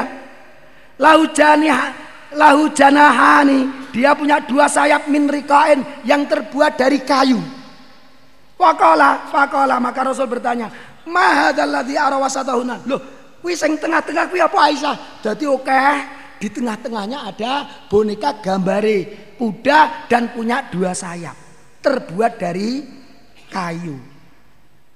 Qalat maka Aisyah berkata, Janahani. Itu dua sayapnya Rasul. Kala Rasul bertanya, Farasun lahu jalahan, wa Aisyah, mosok kuda kok punya dua sayap. Kalat maka Aisyah menjawab, Ama sami ama sami'ata wa Rasul, apakah engkau belum mendengar? Annali Sulaiman bahwa Nabi Sulaiman itu punya khailan, punya kuda laha asniyah yang punya sayap. Loh, Rasul napa dereng mireng? Nabi Sulaiman itu kan punya kuda yang bersayap. Qalat maka setelah Aisyah menjawab, qalat Aisyah bercerita, fadhahika maka Rasul waktu itu tertawa tersenyum. Nek Rasul tertawa nggak pernah terbahak tertawa. Hatta itu nawajidah sampai aku melihat rongga-rongganya mulut Rasul. Berarti pas guyune tenanan Rasulullah. Kira-kira Rasul ketika Aisyah punya boneka-boneka ini tadi, ada yang kuda, ada dua sayap, Rasul marah napa mboten? Mboten, Rasul guyu kok malahan. Wah, masa kuda dan oh ini anunya kuda seperti kudanya Sulaiman. Rasul tertawa, tidak marah. Hei, diadab kamu, tidak. Itu hadis yang diriwayatkan oleh Abu Dawud. Al Albani mengatakan darajanya sahih. Bisa dijadikan dasar hukum. Berarti ternyata masalah gambar itu enak telu. Ini kalau kita perhatikan semua jenis gambar apa-apa itu hidup atau tidak, garis kan ya gambar. Abstrak itu ya gambar, kota, bunder ya gambar. Semua gambar itu haram. Yang kedua, khusus gambar-gambar makhluk hidup. Yang ketiga ternyata loh Aisyah saja ada boneka itu gambarnya itu gambar yang tiga dimensi itu malah rapopo sama Rasulullah. Loh ini janjane piye toh maka kita perlu mengkaji. Kalau ada dalil satu dengan yang lain ketok ekok kaya bertabrakan itu di dalam ilmu usul fikih namanya ta'arudul adillah. Satu dengan yang lain ketoknya berbenturan. Kalau di dalam ilmu usul fikih, kalau hadis kita berbenturan, pertama yang dilakukan dikompromikan. Kalau tidak bisa dikompromikan, pilih yang kuat, buang yang lemah. Kalau tidak bisa, cari mana hadis yang lebih belakang untuk menutup untuk menghapus hadis yang datangnya lebih dulu. Tapi yang pertama dilakukan dikompromikan dan bapak-bapak ibu-ibu hadis tentang gambar semua gambar haram, hanya gambar makhluk hidup yang haram dan Aisyah ternyata pernah punya gambar tapi tidak dimarahi oleh Rasul, itu dipahami bisa dikompromikan. Oke, sebagai kesimpulan. Oke. Kesimpulan. Alasannya, Bapak-bapak, Ibu-ibu, Majelis Tarjih Pusat sudah membuat fatwa bahwa gambar itu tergantung tujuan dari penggunaannya. Intinya di situ. Jadi gambar itu haram atau tidak tergantung dari tujuannya apa. Kalau tujuannya seperti orang-orang kafir Quraisy untuk bikin patung kemudian disembah itu haram untuk untuk bermusyrik ria, untuk untuk berhala, untuk disembah. Yang kedua, kalau itu untuk bermaksiat itu juga haram. Itu jenis gambar-gambar yang haram untuk kesirikan, untuk kemaksiatan. Yang kedua, makruh. Makruh ini gambar-gambar sing bermanfaat. Gur marai boros-boros ra bermanfaat kokean gambar. Ini makruh, tapi tidak ada unsur maksiat, tidak ada unsur untuk kemusrikan. Adapun yang mubah itu adalah gambar-gambar termasuk patung-patung yang ada manfaatnya. Umpamanya KTP, SIM kan ada fotonya itu, ijazah, ini kan ada fungsinya dan baik untuk pendidikan. Kalau di lab, laboratorium IPA itu kan ada manusia, enek apa itu jantungnya, enek paru-parunya. Eh, dokter yang belajar itu kan juga belajar dari patung-patung itu. Itu untuk pendidikan, untuk yang bermanfaat, tidak untuk bermaksiat. Itu termasuk gambar-gambar yang diperbolehkan oleh Allah dan Rasulnya. Itulah bapak-bapak, ibu-ibu apa itu secara khusus jawaban dari dua pertanyaan tapi ternyata Bapak Profesor Dr. Amin Rais sudah rawuh jadi kita insya Allah siap-siap untuk mendengarkan mudah-mudahan penghantar saya tadi tidak membuat ngantuk kita tetap semangat apa itu untuk mengikuti pengajian selanjutnya hadirun hadirat sekalian yang berbahagia di mimbar ini saya secara khusus ingin mengucapkan dari lubuk hati saya yang paling dalam rasa terima kasih saya kepada Bapak Profesor Dr. Amin Rais secara pribadi. Karena Bapak-bapak Ibu-ibu, saya belajar ke Irak, saya belajar ke Baghdad itu karena dulu saya asalnya nyantri di pondok pesantrennya Pak Amin Rais pondok di Yogyakarta namanya Budi Mulia. Saya jadi salah satu santrinya kemudian oleh Pak Amin Rais saya dikirim untuk belajar ke Irak. Monggo Pak Amin Rais. Ye, ye. Kemudian Alhamdulillah dengan kesempatan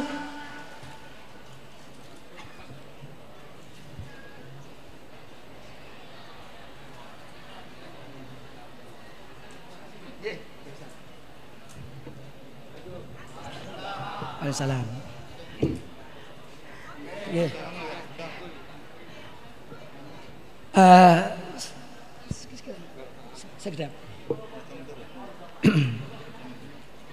Sekali lagi saya ucapkan terima kasih kepada Profesor Dr. Amir Rais. Bapak, saya santri jenengan di Budi Mulia. yang panjenengan kirim ke Baghdad ke Irak. Alhamdulillah S1 saya sudah lulus, S2 di Universitas Baghdad. Sekarang saya berjuang di Muhammadiyah. Saya kemarin jadi ketua majelis tarjih di Jawa Tengah, sekarang jadi wakilnya dan di sini mimpin pondok pesantren Imam Suwodo. Jadi pondok kita ini ada kaitan dengan pondok Budi Mulianya Bapak Amin Rais. Ini putune, pondok putunya Bapak Amin Rais. Mudah-mudahan apa itu kesempatan ini mendapatkan ridho dari Allah Subhanahu wa taala. Benar-benar kami bersyukur mudah-mudahan masyarakat nanti mendapatkan pencerahan yang luar biasa dari Profesor Dr. Amin Rais. Kami semuanya selalu mendoakan beliau selalu sehat, selalu lulus dalam berjuang untuk mendapatkan asyuhada insyaallah. Dari kami aku lu qauli hadza wa astaghfirullah li wa lakum. Wassalamualaikum warahmatullahi wabarakatuh. Para hadirin jamaah putra baik putri demikianlah kajian edisi yang pertama tanya jawab yang telah dipandu oleh Ustadz Siriyar MALC untuk selanjutnya kajian yang kedua edisi spesial Idul Fitri 1439 Hijriah yang akan disampaikan oleh beliau panjenenganipun Profesor Dr. Haji Muhammad Amin Rais MA. Mbok pilih telah siap semuanya waktu dan tempat kami haturkan dumateng panjenenganipun Dr. Haji Muhammad Amin Rais MA.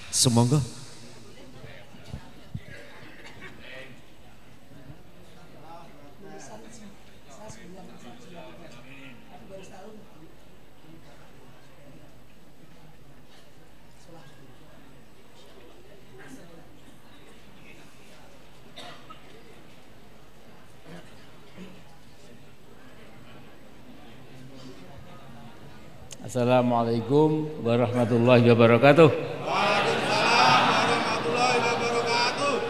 Alhamdulillah rabbil alamin wassalatu wassalamu ala asyrafil mursalin wa ala alihi washabihi ajmain.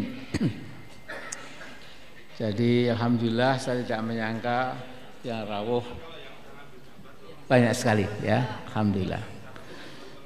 Pertama-tama tentu saya menyampaikan doa mudah-mudahan sholat kita siam kita rukuk kita sujud kita dan ibadah kita di bulan Ramadan kemarin diterima Allah Subhanahu wa taala. Kemudian kita ke depan dengan apa iman yang telah diperbaharui dengan spirit beramal soleh yang sudah makin apa uh, kuat lagi kita menyongsong hari-hari mendatang dengan lebih yakin diri ya.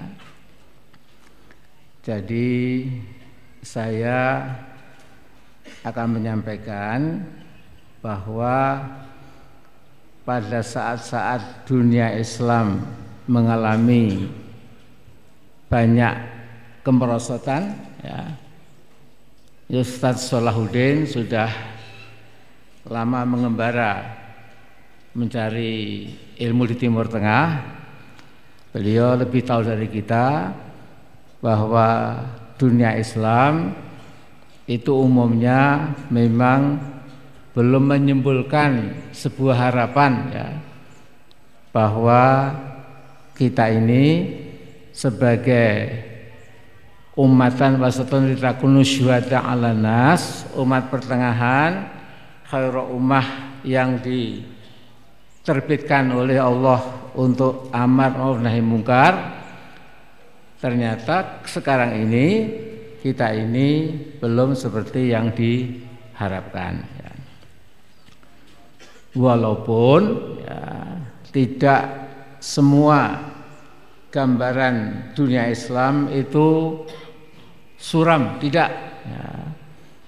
Ada yang masih bagus, ada yang masih menimbulkan optimisme walaupun rata-rata memang agak terbelakang. Ya.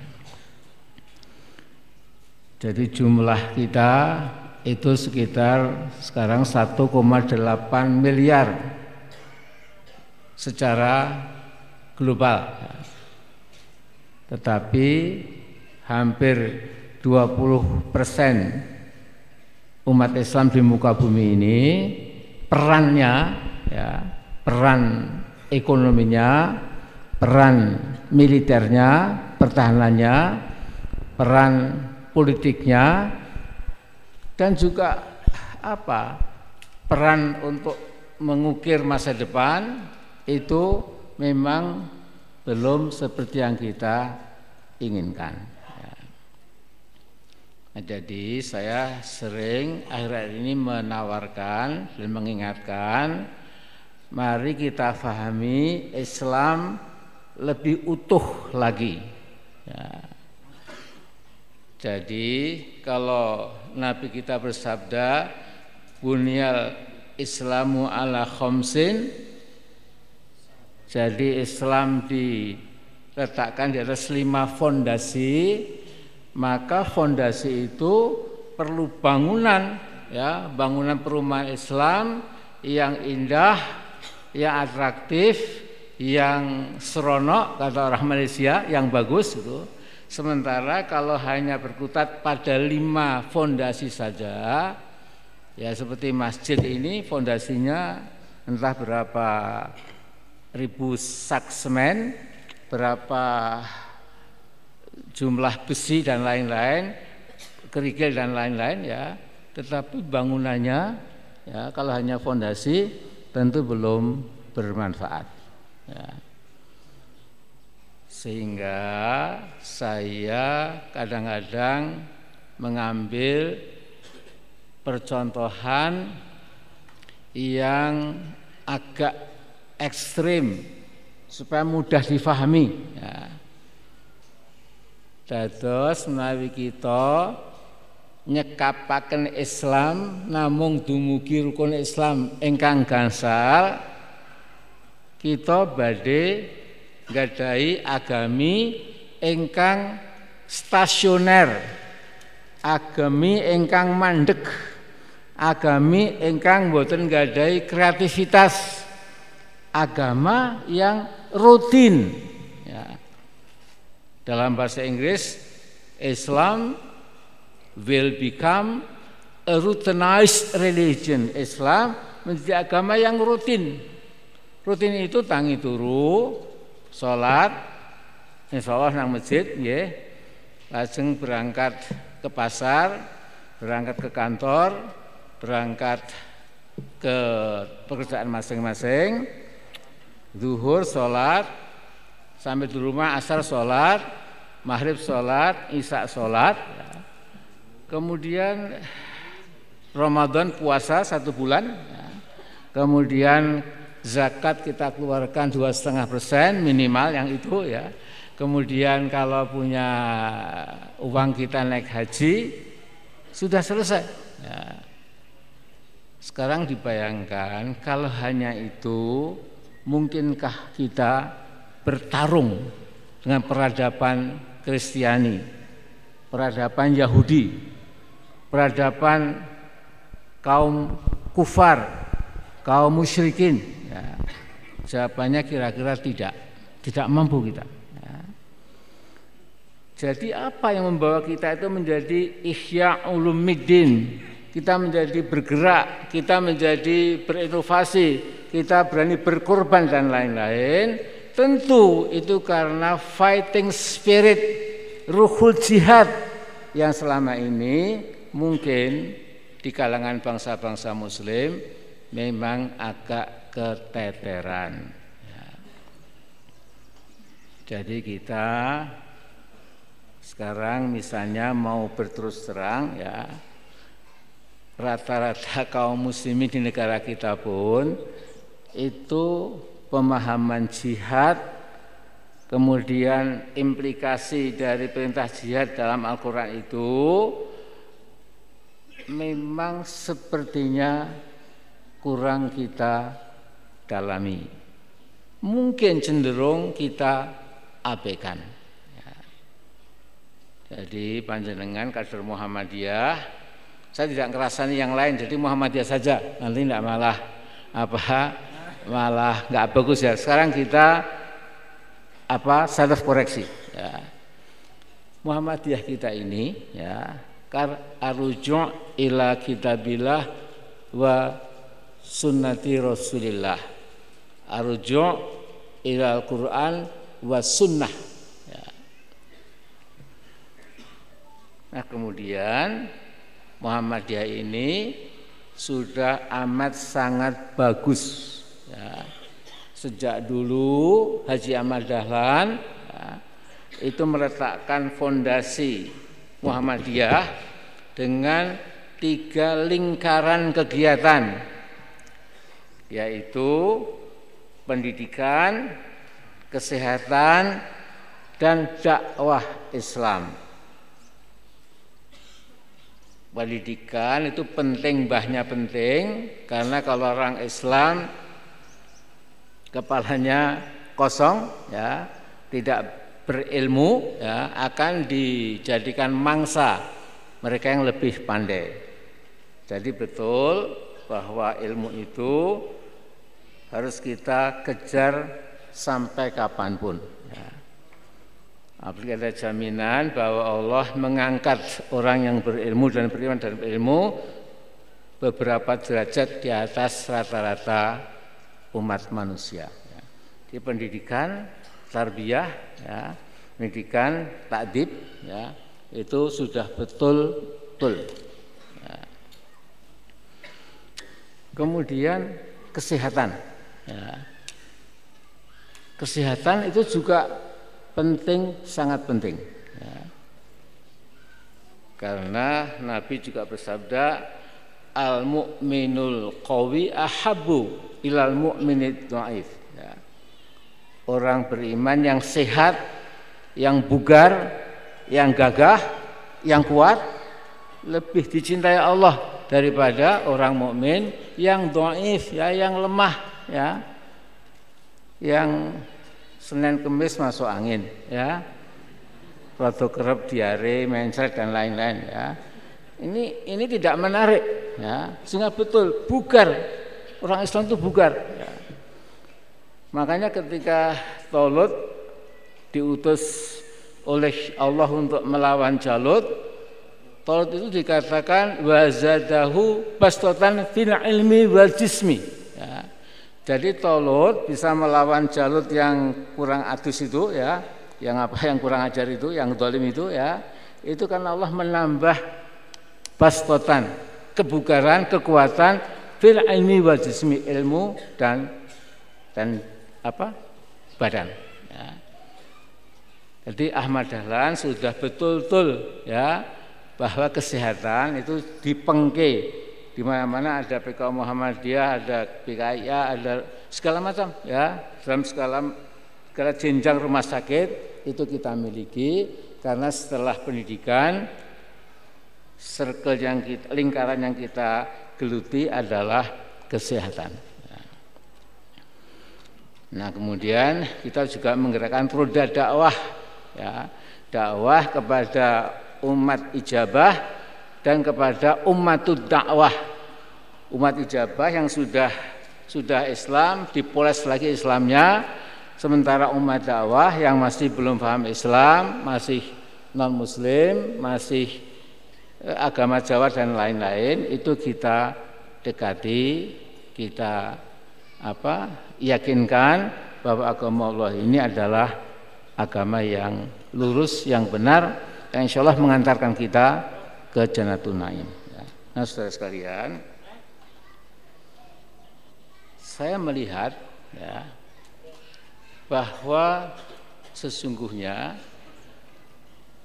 kalau ruhul jihad itu melempem, ya, tidak dibangkitkan, ya, bisa-bisa umat yang banyak ini itu lantas kehilangan peran ya. Jumlahnya banyak tetapi ya banyak saja ya. Jadi Bolokurowo ya tidak tidak apa tidak mencerminkan sebuah kekuatan untuk apa? Untuk merekonstruksi ya untuk merubah setiap keadaan yang kurang baik menjadi lebih bagus ya. Nah saudara sekarang dengarkan atau bah 111 ya. A'udzubillahi rajim Inna Allah ashtara minal mu'minina anfusahum wa amalahum bi anna lahumul jannah yuqatiluna fi sabilillah fayaktuluna wa yuqtalun. Wa'dan alai haqqan fit taurati wal injili wal qur'an Waman awfa bi'ati minallah fastabshiru biramu ladzi bayatum bih wa dzalika huwal fauzul adzim. Ya. Sesungguhnya Allah sudah melakukan kontrak jual beli, transaksi. Ya.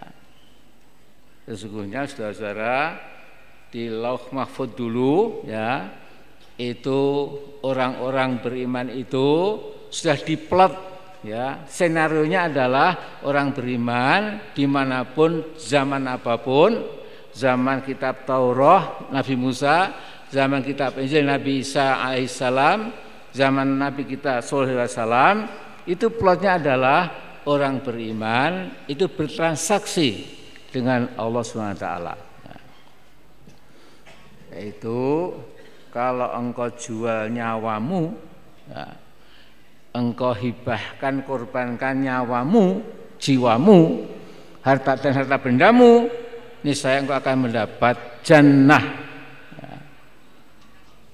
transaksi itu ada di dalam kitab Taurat kitab Injil dan kitab Al-Quran ya.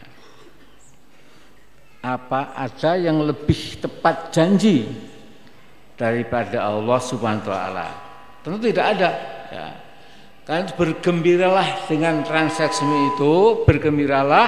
Ya. Kemudian kamu penuhi janjimu itu dan itu adalah sebahagia-bahagia, sehebat-hebatnya, sebagus-bagusnya transaksi dengan Allah SWT itu. Berarti huwal fauzul adim itulah kebagi, kesuksesan, kebahagiaan yang luar biasa. Ya. Nah, saudara, kalau orang itu sudah menanamkan spirit jihad itu, ya, memang kemudian jadi enteng hidup ini enteng. Ya. Makanya hadis yang sering dibaca itu ketika Nabi dan para pasukannya pulang dari Nabi dari perang Uhud yang demikian berat itu Nabi bersabda roja'na minal jihadil asghar ila jihadil akbar ya. Jadi perang Uhud yang berat sekali di mana korban kaum muslimin juga banyak sekali, berat sekali dibanding Badar ini jauh lebih berat. Tapi Nabi mengatakan kita baru pulang dari jihad enteng-entengan menuju jihad yang besar. Ternyata jihad itu adalah jihadun nafs, yaitu jihad melawan nafsumu sendiri. Sekarang bayangkan ya, saya sekalian, adik-adik ya. Kalau kita sudah mengalahkan nafsu kita, udah menang, itu diajak apa pun pasti jadi ringan. Ya. Diajak untuk infak juga tidak nyetil. Ya. Diajak untuk konfrontasi apa pun ya Bismillah. Ya. Bahkan sampai berkorban jiwa dan harta pun itu jadi enteng karena yang paling besar sudah kita lampaui maka yang lain-lain menjadi sangat enteng. Nah kemudian saudara-saudara yang saya ingin sampaikan mengapa umat kita yang banyak ini itu enggak ditakuti oleh umat lain. Ya.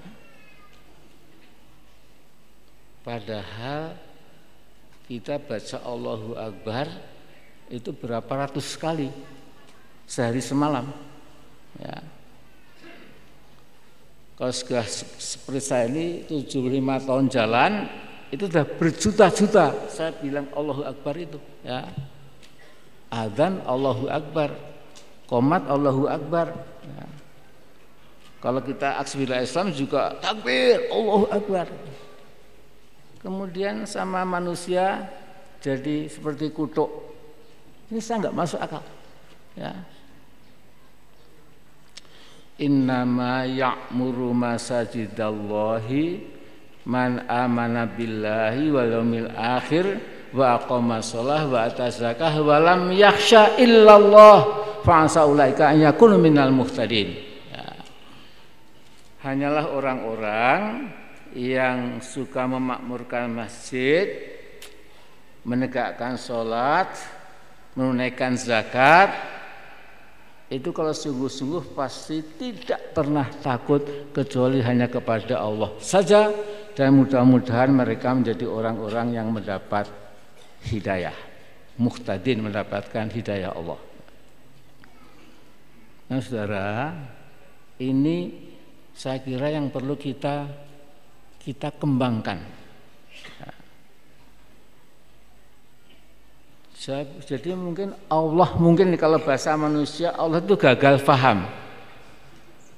Iki wong-wong Islam, wong-wong beriman, bola bali menyebut Allahu Akbar, bareng ketemu kalau mentok-mentok cebong kok wedi, ya. Ini ini yang saya nggak paham, ya.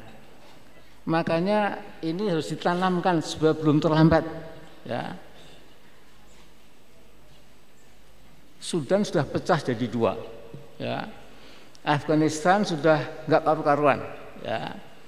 Iraknya Mas Ustadz Salahuddin ini, ya, saya ketemu dua kali dengan Saddam Hussein. Ya. Yang pertama waktu dia masih gagah, yang kedua di tempat persembunyiannya. Ya. Jadi waktu itu saya ketemu Pak Saddam sampai satu jam. Ya Lantas ajudannya itu bingung, wah suwe banget tamu nih, rawes wes tuh. Ya. Dia tanya mengapa kok lama? Karena saya dengan Pak cocok sama-sama anti Amerika. Oh makanya cocok gitu ya. Saya dengan Pak Gaddafi tiga kali ketemu. Ya. Yang terakhir di tenda di tengah-tengah padang pasir itu. Ya. Tapi lihat saudara-saudara, ya nasib Pak Gaddafi, nasib Pak siapa Saddam yang berani melawan Barat itu akibat dukungan yang kecil dari umat yang melempem itu, ya maka Barat tahu bahwa rakyatnya melempem, walaupun punya berani, itu kalau kaitannya dengan rakyat yang melempem itu sudah dipotong, ya maka jadilah dia seperti wayang tenggul, ya seperti ya cuma apa? Seperti apa? Angkrok itu loh yang itu loh ya. Gini-gini ya tidak banyak apa manfaatnya. Ya. nah saudara karena itu ini bangsa muslim ya. Saya mengatakan Indonesia is not an Islamic state Indonesia is a Muslim country. Indonesia bukan negeri bukan negara Islam tapi negeri Muslim. Mengapa 88,5 persen penduduk Indonesia itu beragama Islam? Ya. Nah, tapi ini sekarang kita harus tahu ya kita ini mayoritas tapi tidak punya apa-apa. Ya. Ekonomi digenggam, kalau enggak asing, ya asing. Ya. Panjenengan menunjuk apa saja bidang bidang kegiatan ekonomi tidak ada satupun yang masih dikuasai anak-anak bangsa. Ya. Pak Amin gimana perkebunan? ya sudah laisa fi aidina sudah fi aidihim ya. pertanian perbankan pertambangan perkebunan ya.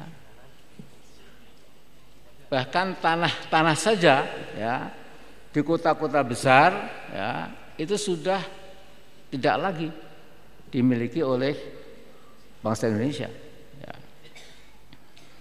saya pernah diminta untuk membebaskan tanah karena Aisyah membuat sebuah TK di pedalaman Klaten ya, ada 2000 meter. Saya tanya siapa yang punya? Yang punya Pak engkohnya itu loh Pak yang punya toko di Jalan Raya Klaten loh Pak mereka semua sekolah mereka sudah membeli tanah-tanah Pak ya. Jadi ini luar biasa. Sehingga saudara, ya, memang kalau saya dan Pak Mudrik ini dan lain-lain, ya, Ustaz Waldin juga itu saya kira kalau ditanya, it's no or never, tomorrow will be too late. Ya. Itu ada nyanyian, it's no or never, come hold me tight. Na na na na na na na na tomorrow will be too late ya besok pagi tahun depan tahun depan lagi sudah terlambat. Ya. makanya ada hashtag ya 219 apalagi kalau tidak ganti presiden. Ya. Nah saya sekalian itu insya Allah termasuk anak bangsa yang lumayan faham. Ya tentang reformasi ini. Ya. Cuma 20 tahun yang lalu saya nyapres ya kalah. Karena doa mbah saya tidak lengkap. Ya. Saya waktu kecil itu kalau ke Gombong, mbah saya itu orang Gombong, kepala saya dipegang. Amin, putih nyong, tak dungakna, besok jadi pemimpin Muhammadiyah. Cuma itu ya. Jadi doa doanya kakek saya itu terkabul. Saya jadi ketua umum Muhammadiyah di Aceh dipilih 98 setengah persen. Hampir bulat memilih saya. Mungkin doa mbak saya itu makbul ya Bahasa mestinya kan tak dungak kena uga jadi presiden. Nah itu saya mungkin jadi presiden ya. Ya ini hanya kelakar, hanya kelakar ya. Sekalian, tapi maksud saya begini ya. Ini waktu sudah sangat tinggi. Ya. Enggak usah ngelek-elek, yang penting kita ke depan harus ada pergantian presiden. Ya. Kalau panjenengan tadi malam lihat Siwan, ya, saya sudah mengatakan mengapa negeri kita ini terpuruk? Mengapa? Ya. Karena demokrasi kita itu demokrasi diskriminatif. Diskriminatif, jadi demokrasi diskriminatif dalam bahasa tesnya itu kontradiksi interminis. Wong demokrasi kok diskriminatif ya. Seperti naik ke bawah itu nggak masuk akal ya. Jatuh ke atas itu nggak masuk akal ya. Demokrasi itu bukan demokrasi ya. Coba sekarang sepanjang saya terangkan secara gamblang ya Mengapa kita terpuruk? Karena jenis demokrasi yang kita terapkan itu demokrasi diskriminatif. Ya. Jadi kita hanya ngoyak demokrasi politik tok tetapi nggak ada demokrasi hukum kesamaan warga negara di depan hukum menika mboten wonten. Hukum mesti memihak si kuat. Hukum mesti memihak yang punya fulus.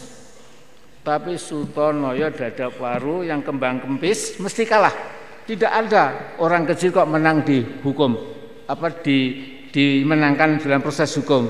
Mesti yang menang itu yang gede yang kuat. Ini demokrasi macam apa? Ya. Ekonomi juga diskriminatif. Ya kebijakan-kebijakan pemerintah bukan pro rakyat yang melarat itu, tapi pro konglomerat ya yang jahat itu. Ya. Yang gede ditulungi, diperbesar modalnya, yang kecil itu dibiarkan merana perlahan-lahan. Ya. Panjenengan cobi bayangaken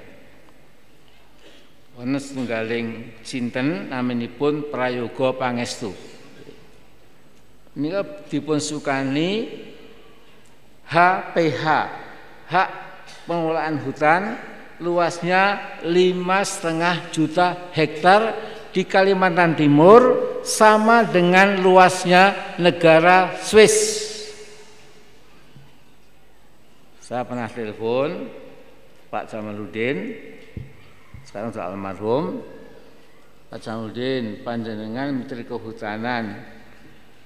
Kok ono tadi itu? Ya, aku meh muni ras itu ya. Ono wong gendeng ya. Tiga HPH lima setengah juta hektar ya. kaunya ditebangi diangkut ya. Luar biasa ya kita cuma dapat kehancuran hutan. Ya. Ini dasarnya dulu apa dasarnya?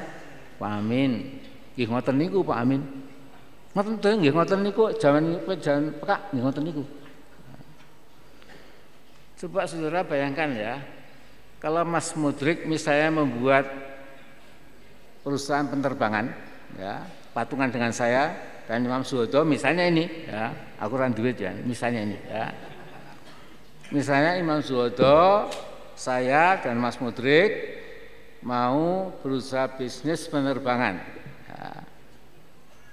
Entah dari mana kita dapat rezeki bisa membeli enam pesawat penumpang. Nah kemudian kita membuat rute Solo, Jakarta, Palembang, Medan.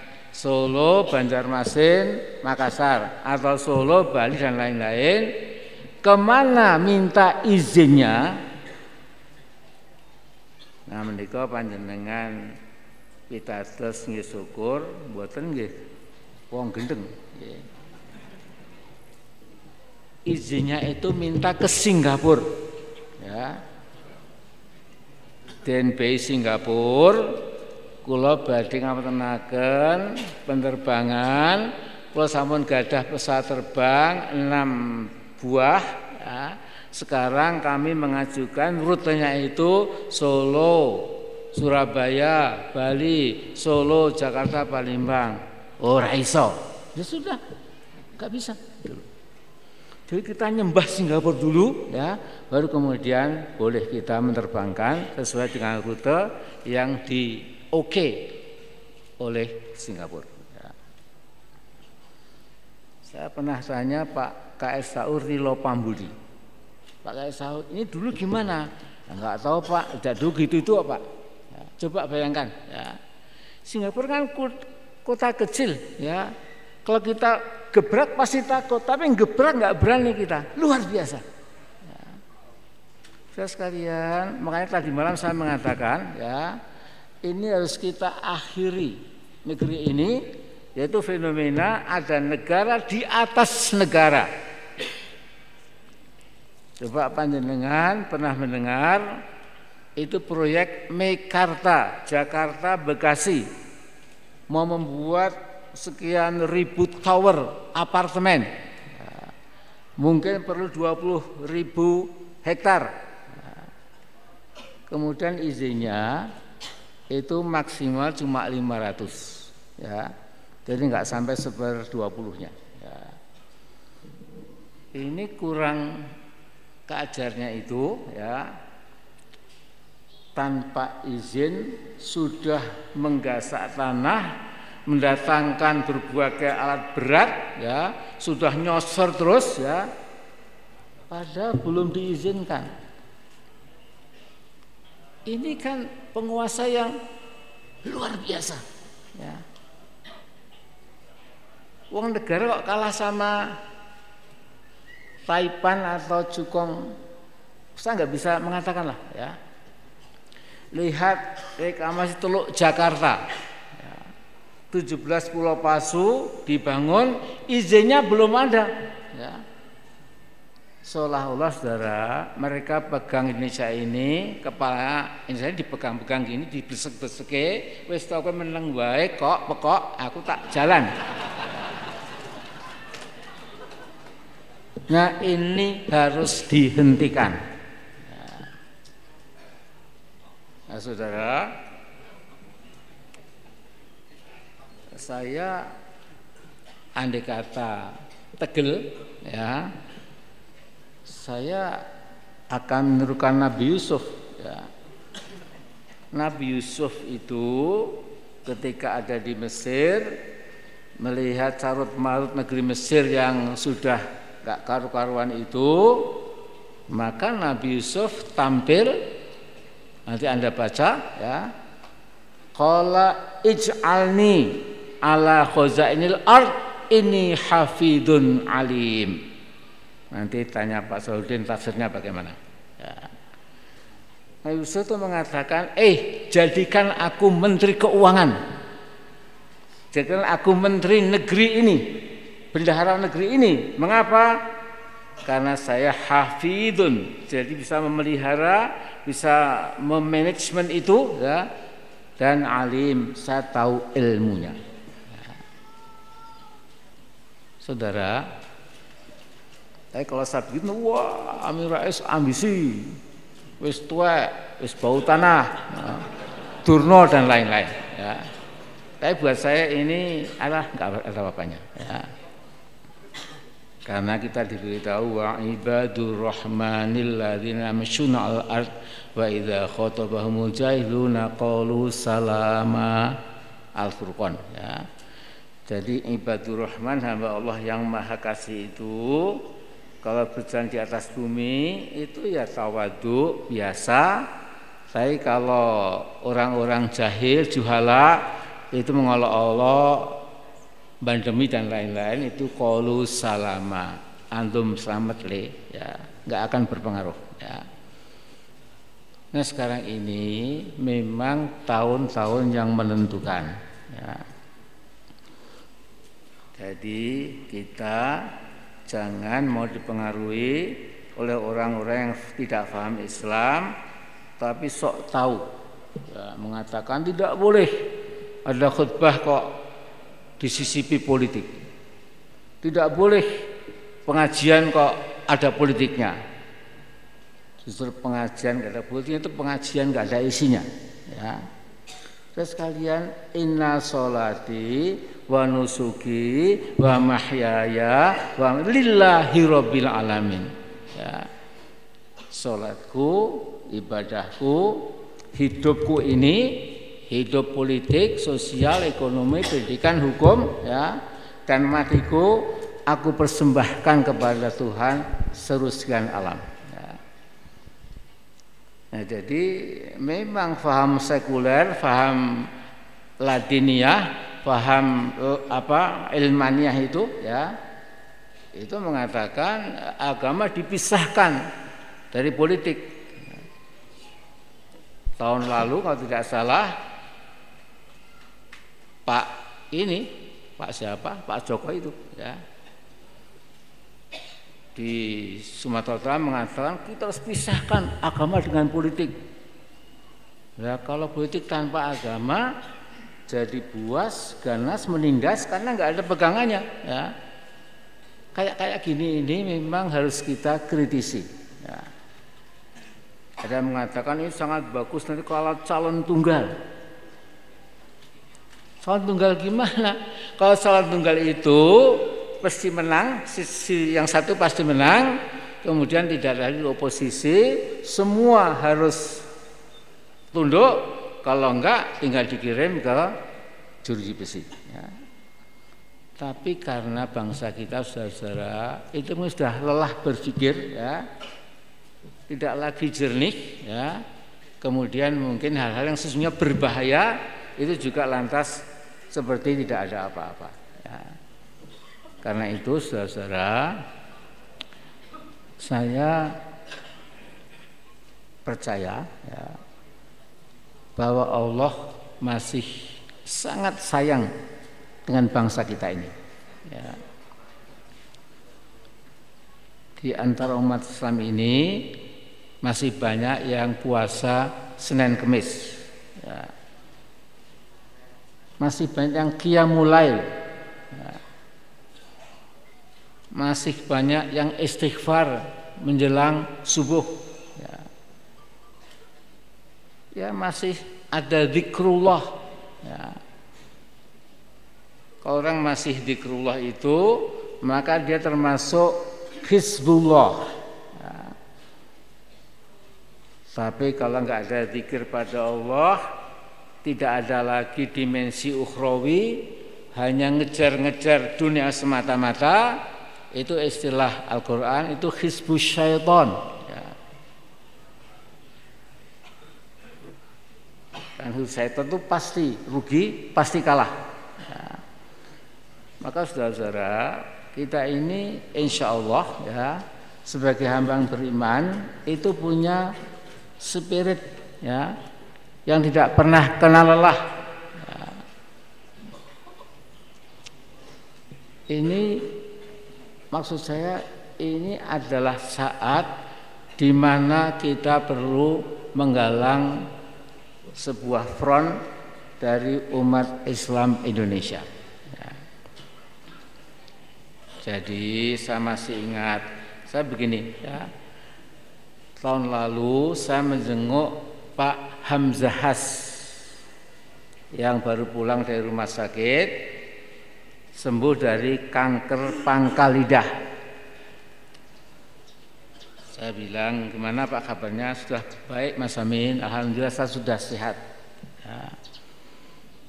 Mas Amin, saya sekarang ini makin tua, saya berdoa mudah-mudahan saya dimuliakan Allah di akhirat seperti Allah memuliakan saya di dunia. Pak Amin saya ini dari Kalimantan, orang biasa, masuk partai, ya, masuk P3 itu, ya, kemudian jadi Mengko, bahkan pernah jadi wakil presiden. Ya. Tetapi yang ingin saya sampaikan dia bilang begini, Mas Amin, keadaan kita dibanding 20 tahun yang lalu sudah amat sangat jauh berbeda. Ya. Dulu ini cuma nostalgia, mudah-mudahan bisa kembali lagi. Dulu umat Islam itu di dalam satu perahu. Pak Akbar Tanjung, Ketua PB HMI. Ya. Saya Ketua Umum Pimpinan Pusat Muhammadiyah. Ya. Gus Dur, Ketua PB Nahdlatul Ulama. Ya. Pak Hamzahas itu Ketua Partai Persatuan. Ya. Kita berempat duduk ya Gus Dur, saya, Bang Akbar dan Pak Hamzahas. Ya. Artinya apa? Kalau umat Islam itu duduk bersama, ya, itu demikian mudah seperti semudah memotong-motong kue itu loh, ya dipotong inggo Mas Amin, inggo Gus Dur, iki dinggo Pak Akbar, iki dinggo Pak Hamzahas. Bahkan dulu cuma ini kalau yang ini jangan ini off the record ya. ya. Dulu itu ya ini kata Pak Hamzahas jadi wapres juga bisa itu. Cuma apa kata dunia nanti? Masa semua kita borong, ya. Makanya hadiahnya Bu Mega jadi wakil presiden. Ya. Ini baru 20 tahun yang lalu. Kalau kita nanti bisa insya Allah bersatu lagi saudaraku, ya, maka sesungguhnya negeri ini tidak memerlukan sebuah konfrontasi fisik, ya. Jihad dengan arti fisik, bisa bilah dalam arti apa e, nyambung jiwa, ya yang sering dikata, ditanyakan Mas Menteri, Pak, Pak Amin kapan ini jihad fisabilillah itu? Menteri ada kesusik Mas. Tenang, tenang dulu, tenang dulu gitu. Itu nanti kalau perlu memang ke sana. Tapi saya kira masih bisa dengan jalan konstitusi dan demokrasi. Ya. Jadi nanti ini kira-kira akan ada dua ya, ada dua dua dua pasangan ya. petahana yang sekarang sedang mencari capresnya siapa ya. kemudian poros ketiga tidak ada saya yakin ya. poros kedua itu saya belum berani mengatakan ya tapi itu nanti yang insya Allah akan bisa mengganti ya Tadi malam saya ditanya Pak Amin, Pak Amin ingin nyapres. Saya tahu diri. Saya Mbah Amin. Saya duduk di bangku cadangan. Ya.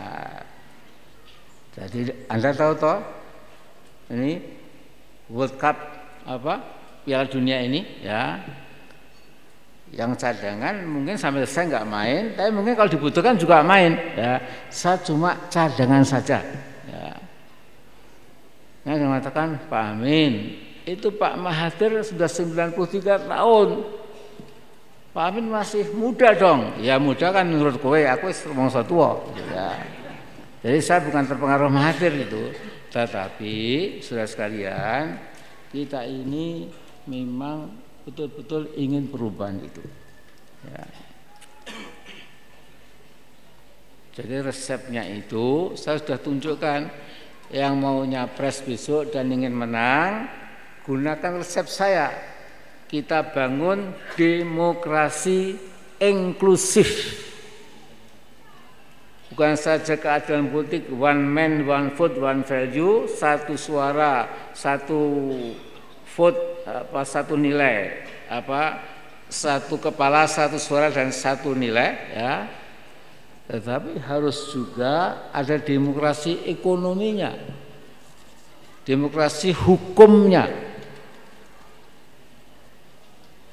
demokrasi sosialnya, supaya mau tidak makin menganga lebar kesenjangan sosial itu. Ya. Panjangan sudah hafal, terus sekarang ini yang terkenal adalah ada empat orang kaya di negeri ini, kekayaannya sama dengan 100 juta orang di lapisan bawah. Jadi dia kalau satu hari menghabiskan 20 miliar sehari ya itu setelah sekian puluh tahun baru habis. Padahal masjid ini enggak selesai-selesai ya toh. Ya. Apa? Artinya orang itu amat sangat kaya sekali ya. Nah karena itu kita perlu demokrasi inklusif juga artinya artinya apa? Artinya merangkul semua anak bangsa dirangkul. Ya. Bukan malah diadu domba ya Golkar dipecah P3 dipecah ya. kemudian yang lain juga mau dipecah ya. Ini kan teknik PKI pecah pecah pecah supaya dirinya kuat padahal saya yakin orang suka mecah tangannya juga akhirnya lemah ini juga pecah ke dalam insya Allah ya. nah jadi saudara sekalian kemudian saya mengatakan mengapa saya hari-hari ini itu kok gembira. Ya. Terus ibu-ibu panjenengan, adik-adik, santri-santri, naik panjenengan, nakeni kula Pak Amin, terus pundi Pak Amin, tenan batiniah Pak Amin. Kula jujur, kula tansah remen tansah gumbira amargi insyaallah tan ngajeng badhe wonten pergantosan presiden Indonesia. Insyaallah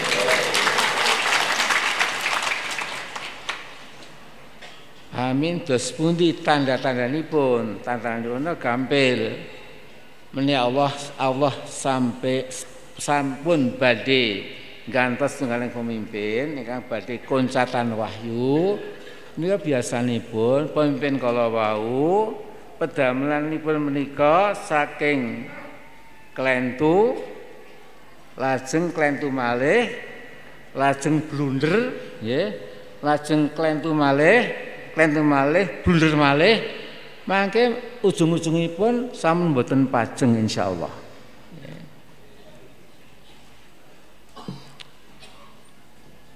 Dados ingkang dipun lampahi menika aeng-aeng. Nggih. Dana haji ini kan kangge umat untuk haji dipun pendet oh nggak salah 38 triliun untuk infrastruktur. Ya. Infrastruktur mangkrak ya wis dadi ora sing ora sing nganggo amargi memang jadi ngaten kalau di luar negeri itu infrastruktur dibuat itu nanti kemudian truk-truk yang membawa hasil bumi, hasil produksi pabrik itu berseliweran kontainer ke pelabuhan. Lah kita ini saya digawa apa? Uang pabrik ya sepi, hasil bumi ya ora ana, nggih. Terus namun kelelawar, sliwer-sliwer ningali regane apa mahal tidak ada penggunaannya ya. langsung damel daftar 200 mubalek rekomendasi ini juga bodoh bin jahil ya. berapa puluh ribu yang dikeluarkan? Ya. ini kemungkinan nanti kita buat lagi. Mana nggak ada juga? Kalau dibuat puluhan ribu. Ya. Jadi ini blunder lagi. Ya. kemudian juga enak saja. Ya kalau daging mahal makan keong sawah. Atau bekicot ya. listrik mahal cabut meterannya kalau makanan mahal ya diet jangan makan banyak-banyak itu di Bali ada menteri saya lupa namanya dia kurang asem Saudara, kalau memang makanan mahal dan lain-lain, ya diet lebih ramping kita. Jangan gendut itu. Padahal dia gendutnya bukan main. Ya. Kemudian kalau harga beras mahal, ya ditawar dong. Masa nggak ditawar? Ya. Seperti lagu itu, lagu ganti presiden itu. Ya. Nah seperti ini, saya cerita banyak. Itu memang blunder-blunder ini itu merasa sudah benar ya. Pada Allah berfirman, "Qul hal nunabbiukum bil akhsarina a'mala alladzina dhalla sa'yuhum fid dunya wa hum yahsabuna annahum yuhsinuna yuhsinuna sun'a." Ya. Betul ya? Qul nunabbiukum fil hayati dunya ya. Jadi Allah mengatakan, maukah kamu saya tunjukkan orang yang sesungguhnya sedang menghancurkan dunia, menghancurkan kestabilan, merusak tatanan, tapi merasa kami sedang membangun. Ya. Memang itu ada, ya. Jadi kalau menebang hutan sampai ludes, ini biar bayi dewe yang senengi bangun babat talas mas, itu tak babat kabeh. Ya. Padahal kan dulu dengan sekarang lain ya. Ya segala macam harus dilakukan pada itu keliru ya. Nah karena itu saudara-saudara saya minta satu hal ya. Menika kula yakin ya. Ad-du'a'u silahul mukmin. Doa itu senjata orang beriman. Naik jor-joran arto kita mboten gadah. Wong kita namung pas-pasan. Jor-joran media massa ya kita nggak punya. kita nggak punya. Ya. Di rumah Muhammadiyah punya masakini, masakin, ya, masakin, ya. Sudah bangkrut sekarang, ya. Jor-joran Intel global kita nggak nggak punya itu jaringan dengan luar negeri nggak ada. Ya. Jor-joran IT ya umumnya kita pas-pasan. Ya. Tetapi Allahu Akbar kita punya Allah yang maha besar. Ya. Nah kula badhe ngaturi informasi ingkang gampil dipun enget-enget.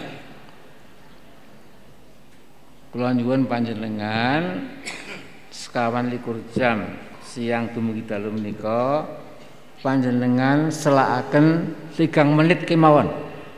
Yeah. Enjing saged, siang saged, dalu saged, fajar saged. Panjenengan tigang menit saben dinten donga dumateng Allah. Mai basa Jawi, basa Tuhan Tuhan tahu semua bahasa. Terus terus Gusti terus duh Gusti Allah. Kalau nyuwun duh Gusti paduka maringaken pimpinan nasional ingkang langkung sae tinimbang ingkang wonten sapunika ya. Gak sebut nama ya. Jangan dikotori dengan nama doa kita itu ya. Paling-paling yang ada ini kalau saya sebut namanya ya. Nah, kalau puluhan juta orang beriman tiga menit sehari semalam itu berdoa itu kira-kira langit tembus Ya. Sudah tembus sudah kun fayakun. Kita akan punya presiden baru. Ya. Kalau sudah ada presiden baru itu baru ditata kembali. Panjenengan kula aturi sekedhik informasi. Terus kata sangat peraturan pemerintah ya, ingkang dipun damel kangge menapa? Kangge pun tiang-tiang asing bukan orang Indonesia. Pun undang-undang migas. Ini kan disebatakan bahwa seluruh produksi gas di Indonesia itu boleh dipakai dalam negeri setelah kebutuhan negeri itu terpenuhi. Menikah tiang engkang idiot kemawon romong aneh. Gase nang Papua gasnya itu di Aceh ya. Tetapi peraturannya dikirim se nang Taiwan nang Korea nang Tiongkok daratan. Nah sisane lagi dinggo awak itu menikah tidak masuk akal ya. Itu gila pun juga seperti itu. Jadi lebih dari itu ya. Itu masih meger-meger itu. Tetapi kalau presiden baru nanti akan dibalik ya. Setelah gas memenuhi kebutuhan bangsa sendiri baru kemudian boleh diekspor. Itu yang masuk akal. Terus panjenengan waktu seserepan di Aceh itu ya ada pabrik pupuk Iskandar Muda. Pabrik pupuk Iskandar Muda. Pabrik pupuk ini bisa bergerak kalau ada pasokan gas untuk menggerakkan mesin-mesin itu supaya apa bahan baku pupuk menjadi pupuk yang siap pakai. Perlu gas. Nah, pupuk Islam muda itu sudah tutup beberapa tahun yang lalu karena pasokan gasnya nggak ada. Sementara lewat di depan persis di depan pupuk Islam muda ini berkontainer-kontainer gas yang dikirim ke Cina. Apa tidak nelongso? Ya. Ini bongso apa? Ya. Ini memang aneh ya Nah, jadi sudah sekalian, oh, sudah tinggi waktunya, ya. orang Inggris bilang enough is enough. Wes cukup, wes cukup ya. Sekarang kita harus bersatu bekerja. Saya juga mohon kepada Allah ya, mudah tahun depan ganti presiden ya. Saya kira sudah hampir jam 8 hampir jam 9 ya 9 saya ada acara dan di mana di Pekonang ya. Jadi ini yang perlu dibantu apa ini nggak ada ya perlu dibantu apa nih Hah?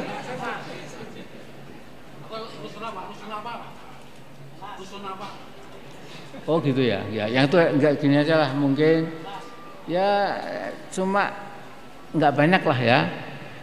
Jadi saya ke sini kalau tidak sesuatu walaupun kecil kan tidak lucu gitu ya. Jadi ya sekedar untuk santri kita menambah apa rak buku atau apalah gitu ya. Ya saya menyumbang maaf ini sedikit sekali saya sumbang untuk adik-adik santri kita ini 10 juta saja ya supaya agak greget sedikit ya. Sekarang kita berdoa bersama-sama. Bismillahirrahmanirrahim. Allahumma shalli ala Muhammad wa ala ali Muhammad. Allahumma khil muslimina wal muslimat wal mu'minina wal mu'minat. Al ahim da ambat innaka sami'u mujibu da'wat. Rabbana la tu'akhidna inna sina au akhdana. Rabbana wa la tahmil alaina isran kama hamaltahu ala ladina min qablina. Rabbana wa la tuhammilna ma la taqata lana bih. Wa'fu anna wa khilana warhamna anta maulana fansurna al qamil kafirin. Rabbana ربنا عليك توكلنا وإليك أنبنا وإليك المصير. ربنا لا تجعلنا فتنة للذين كفروا. واغفر لنا ربنا إنك أنت العزيز الحكيم. أبرح علينا الصبر وتوفنا مسلمين. ربنا أبرح علينا الصبر وثبت أقدامنا وانصرنا القوم الكافرين. اللهم طهر قلوبنا من النفاق وعملنا من الرياء. wa ambalana minar riba wa sinatana minal kadhib wa inana minal khiyanah. Innaka ta'lamu khairul aini wa ma tukhfis sudur. Rabbana atina fid dunya hasanah wa fil akhirati hasanah wa qina azabannar. Subhana rabbika rabbil izzati amma yasifun. Wa salamun alal mursalin walhamdulillahi rabbil alamin. Yun ngapunten kalau ada yang salah. Assalamualaikum warahmatullahi wabarakatuh. Waalaikumsalam warahmatullahi wabarakatuh. Para hadirin jamaah kajian Ahad pagi spesial Idul Fitri Demikianlah kajian yang telah disampaikan oleh Bapak Profesor Dr. Haji Amin Rais MA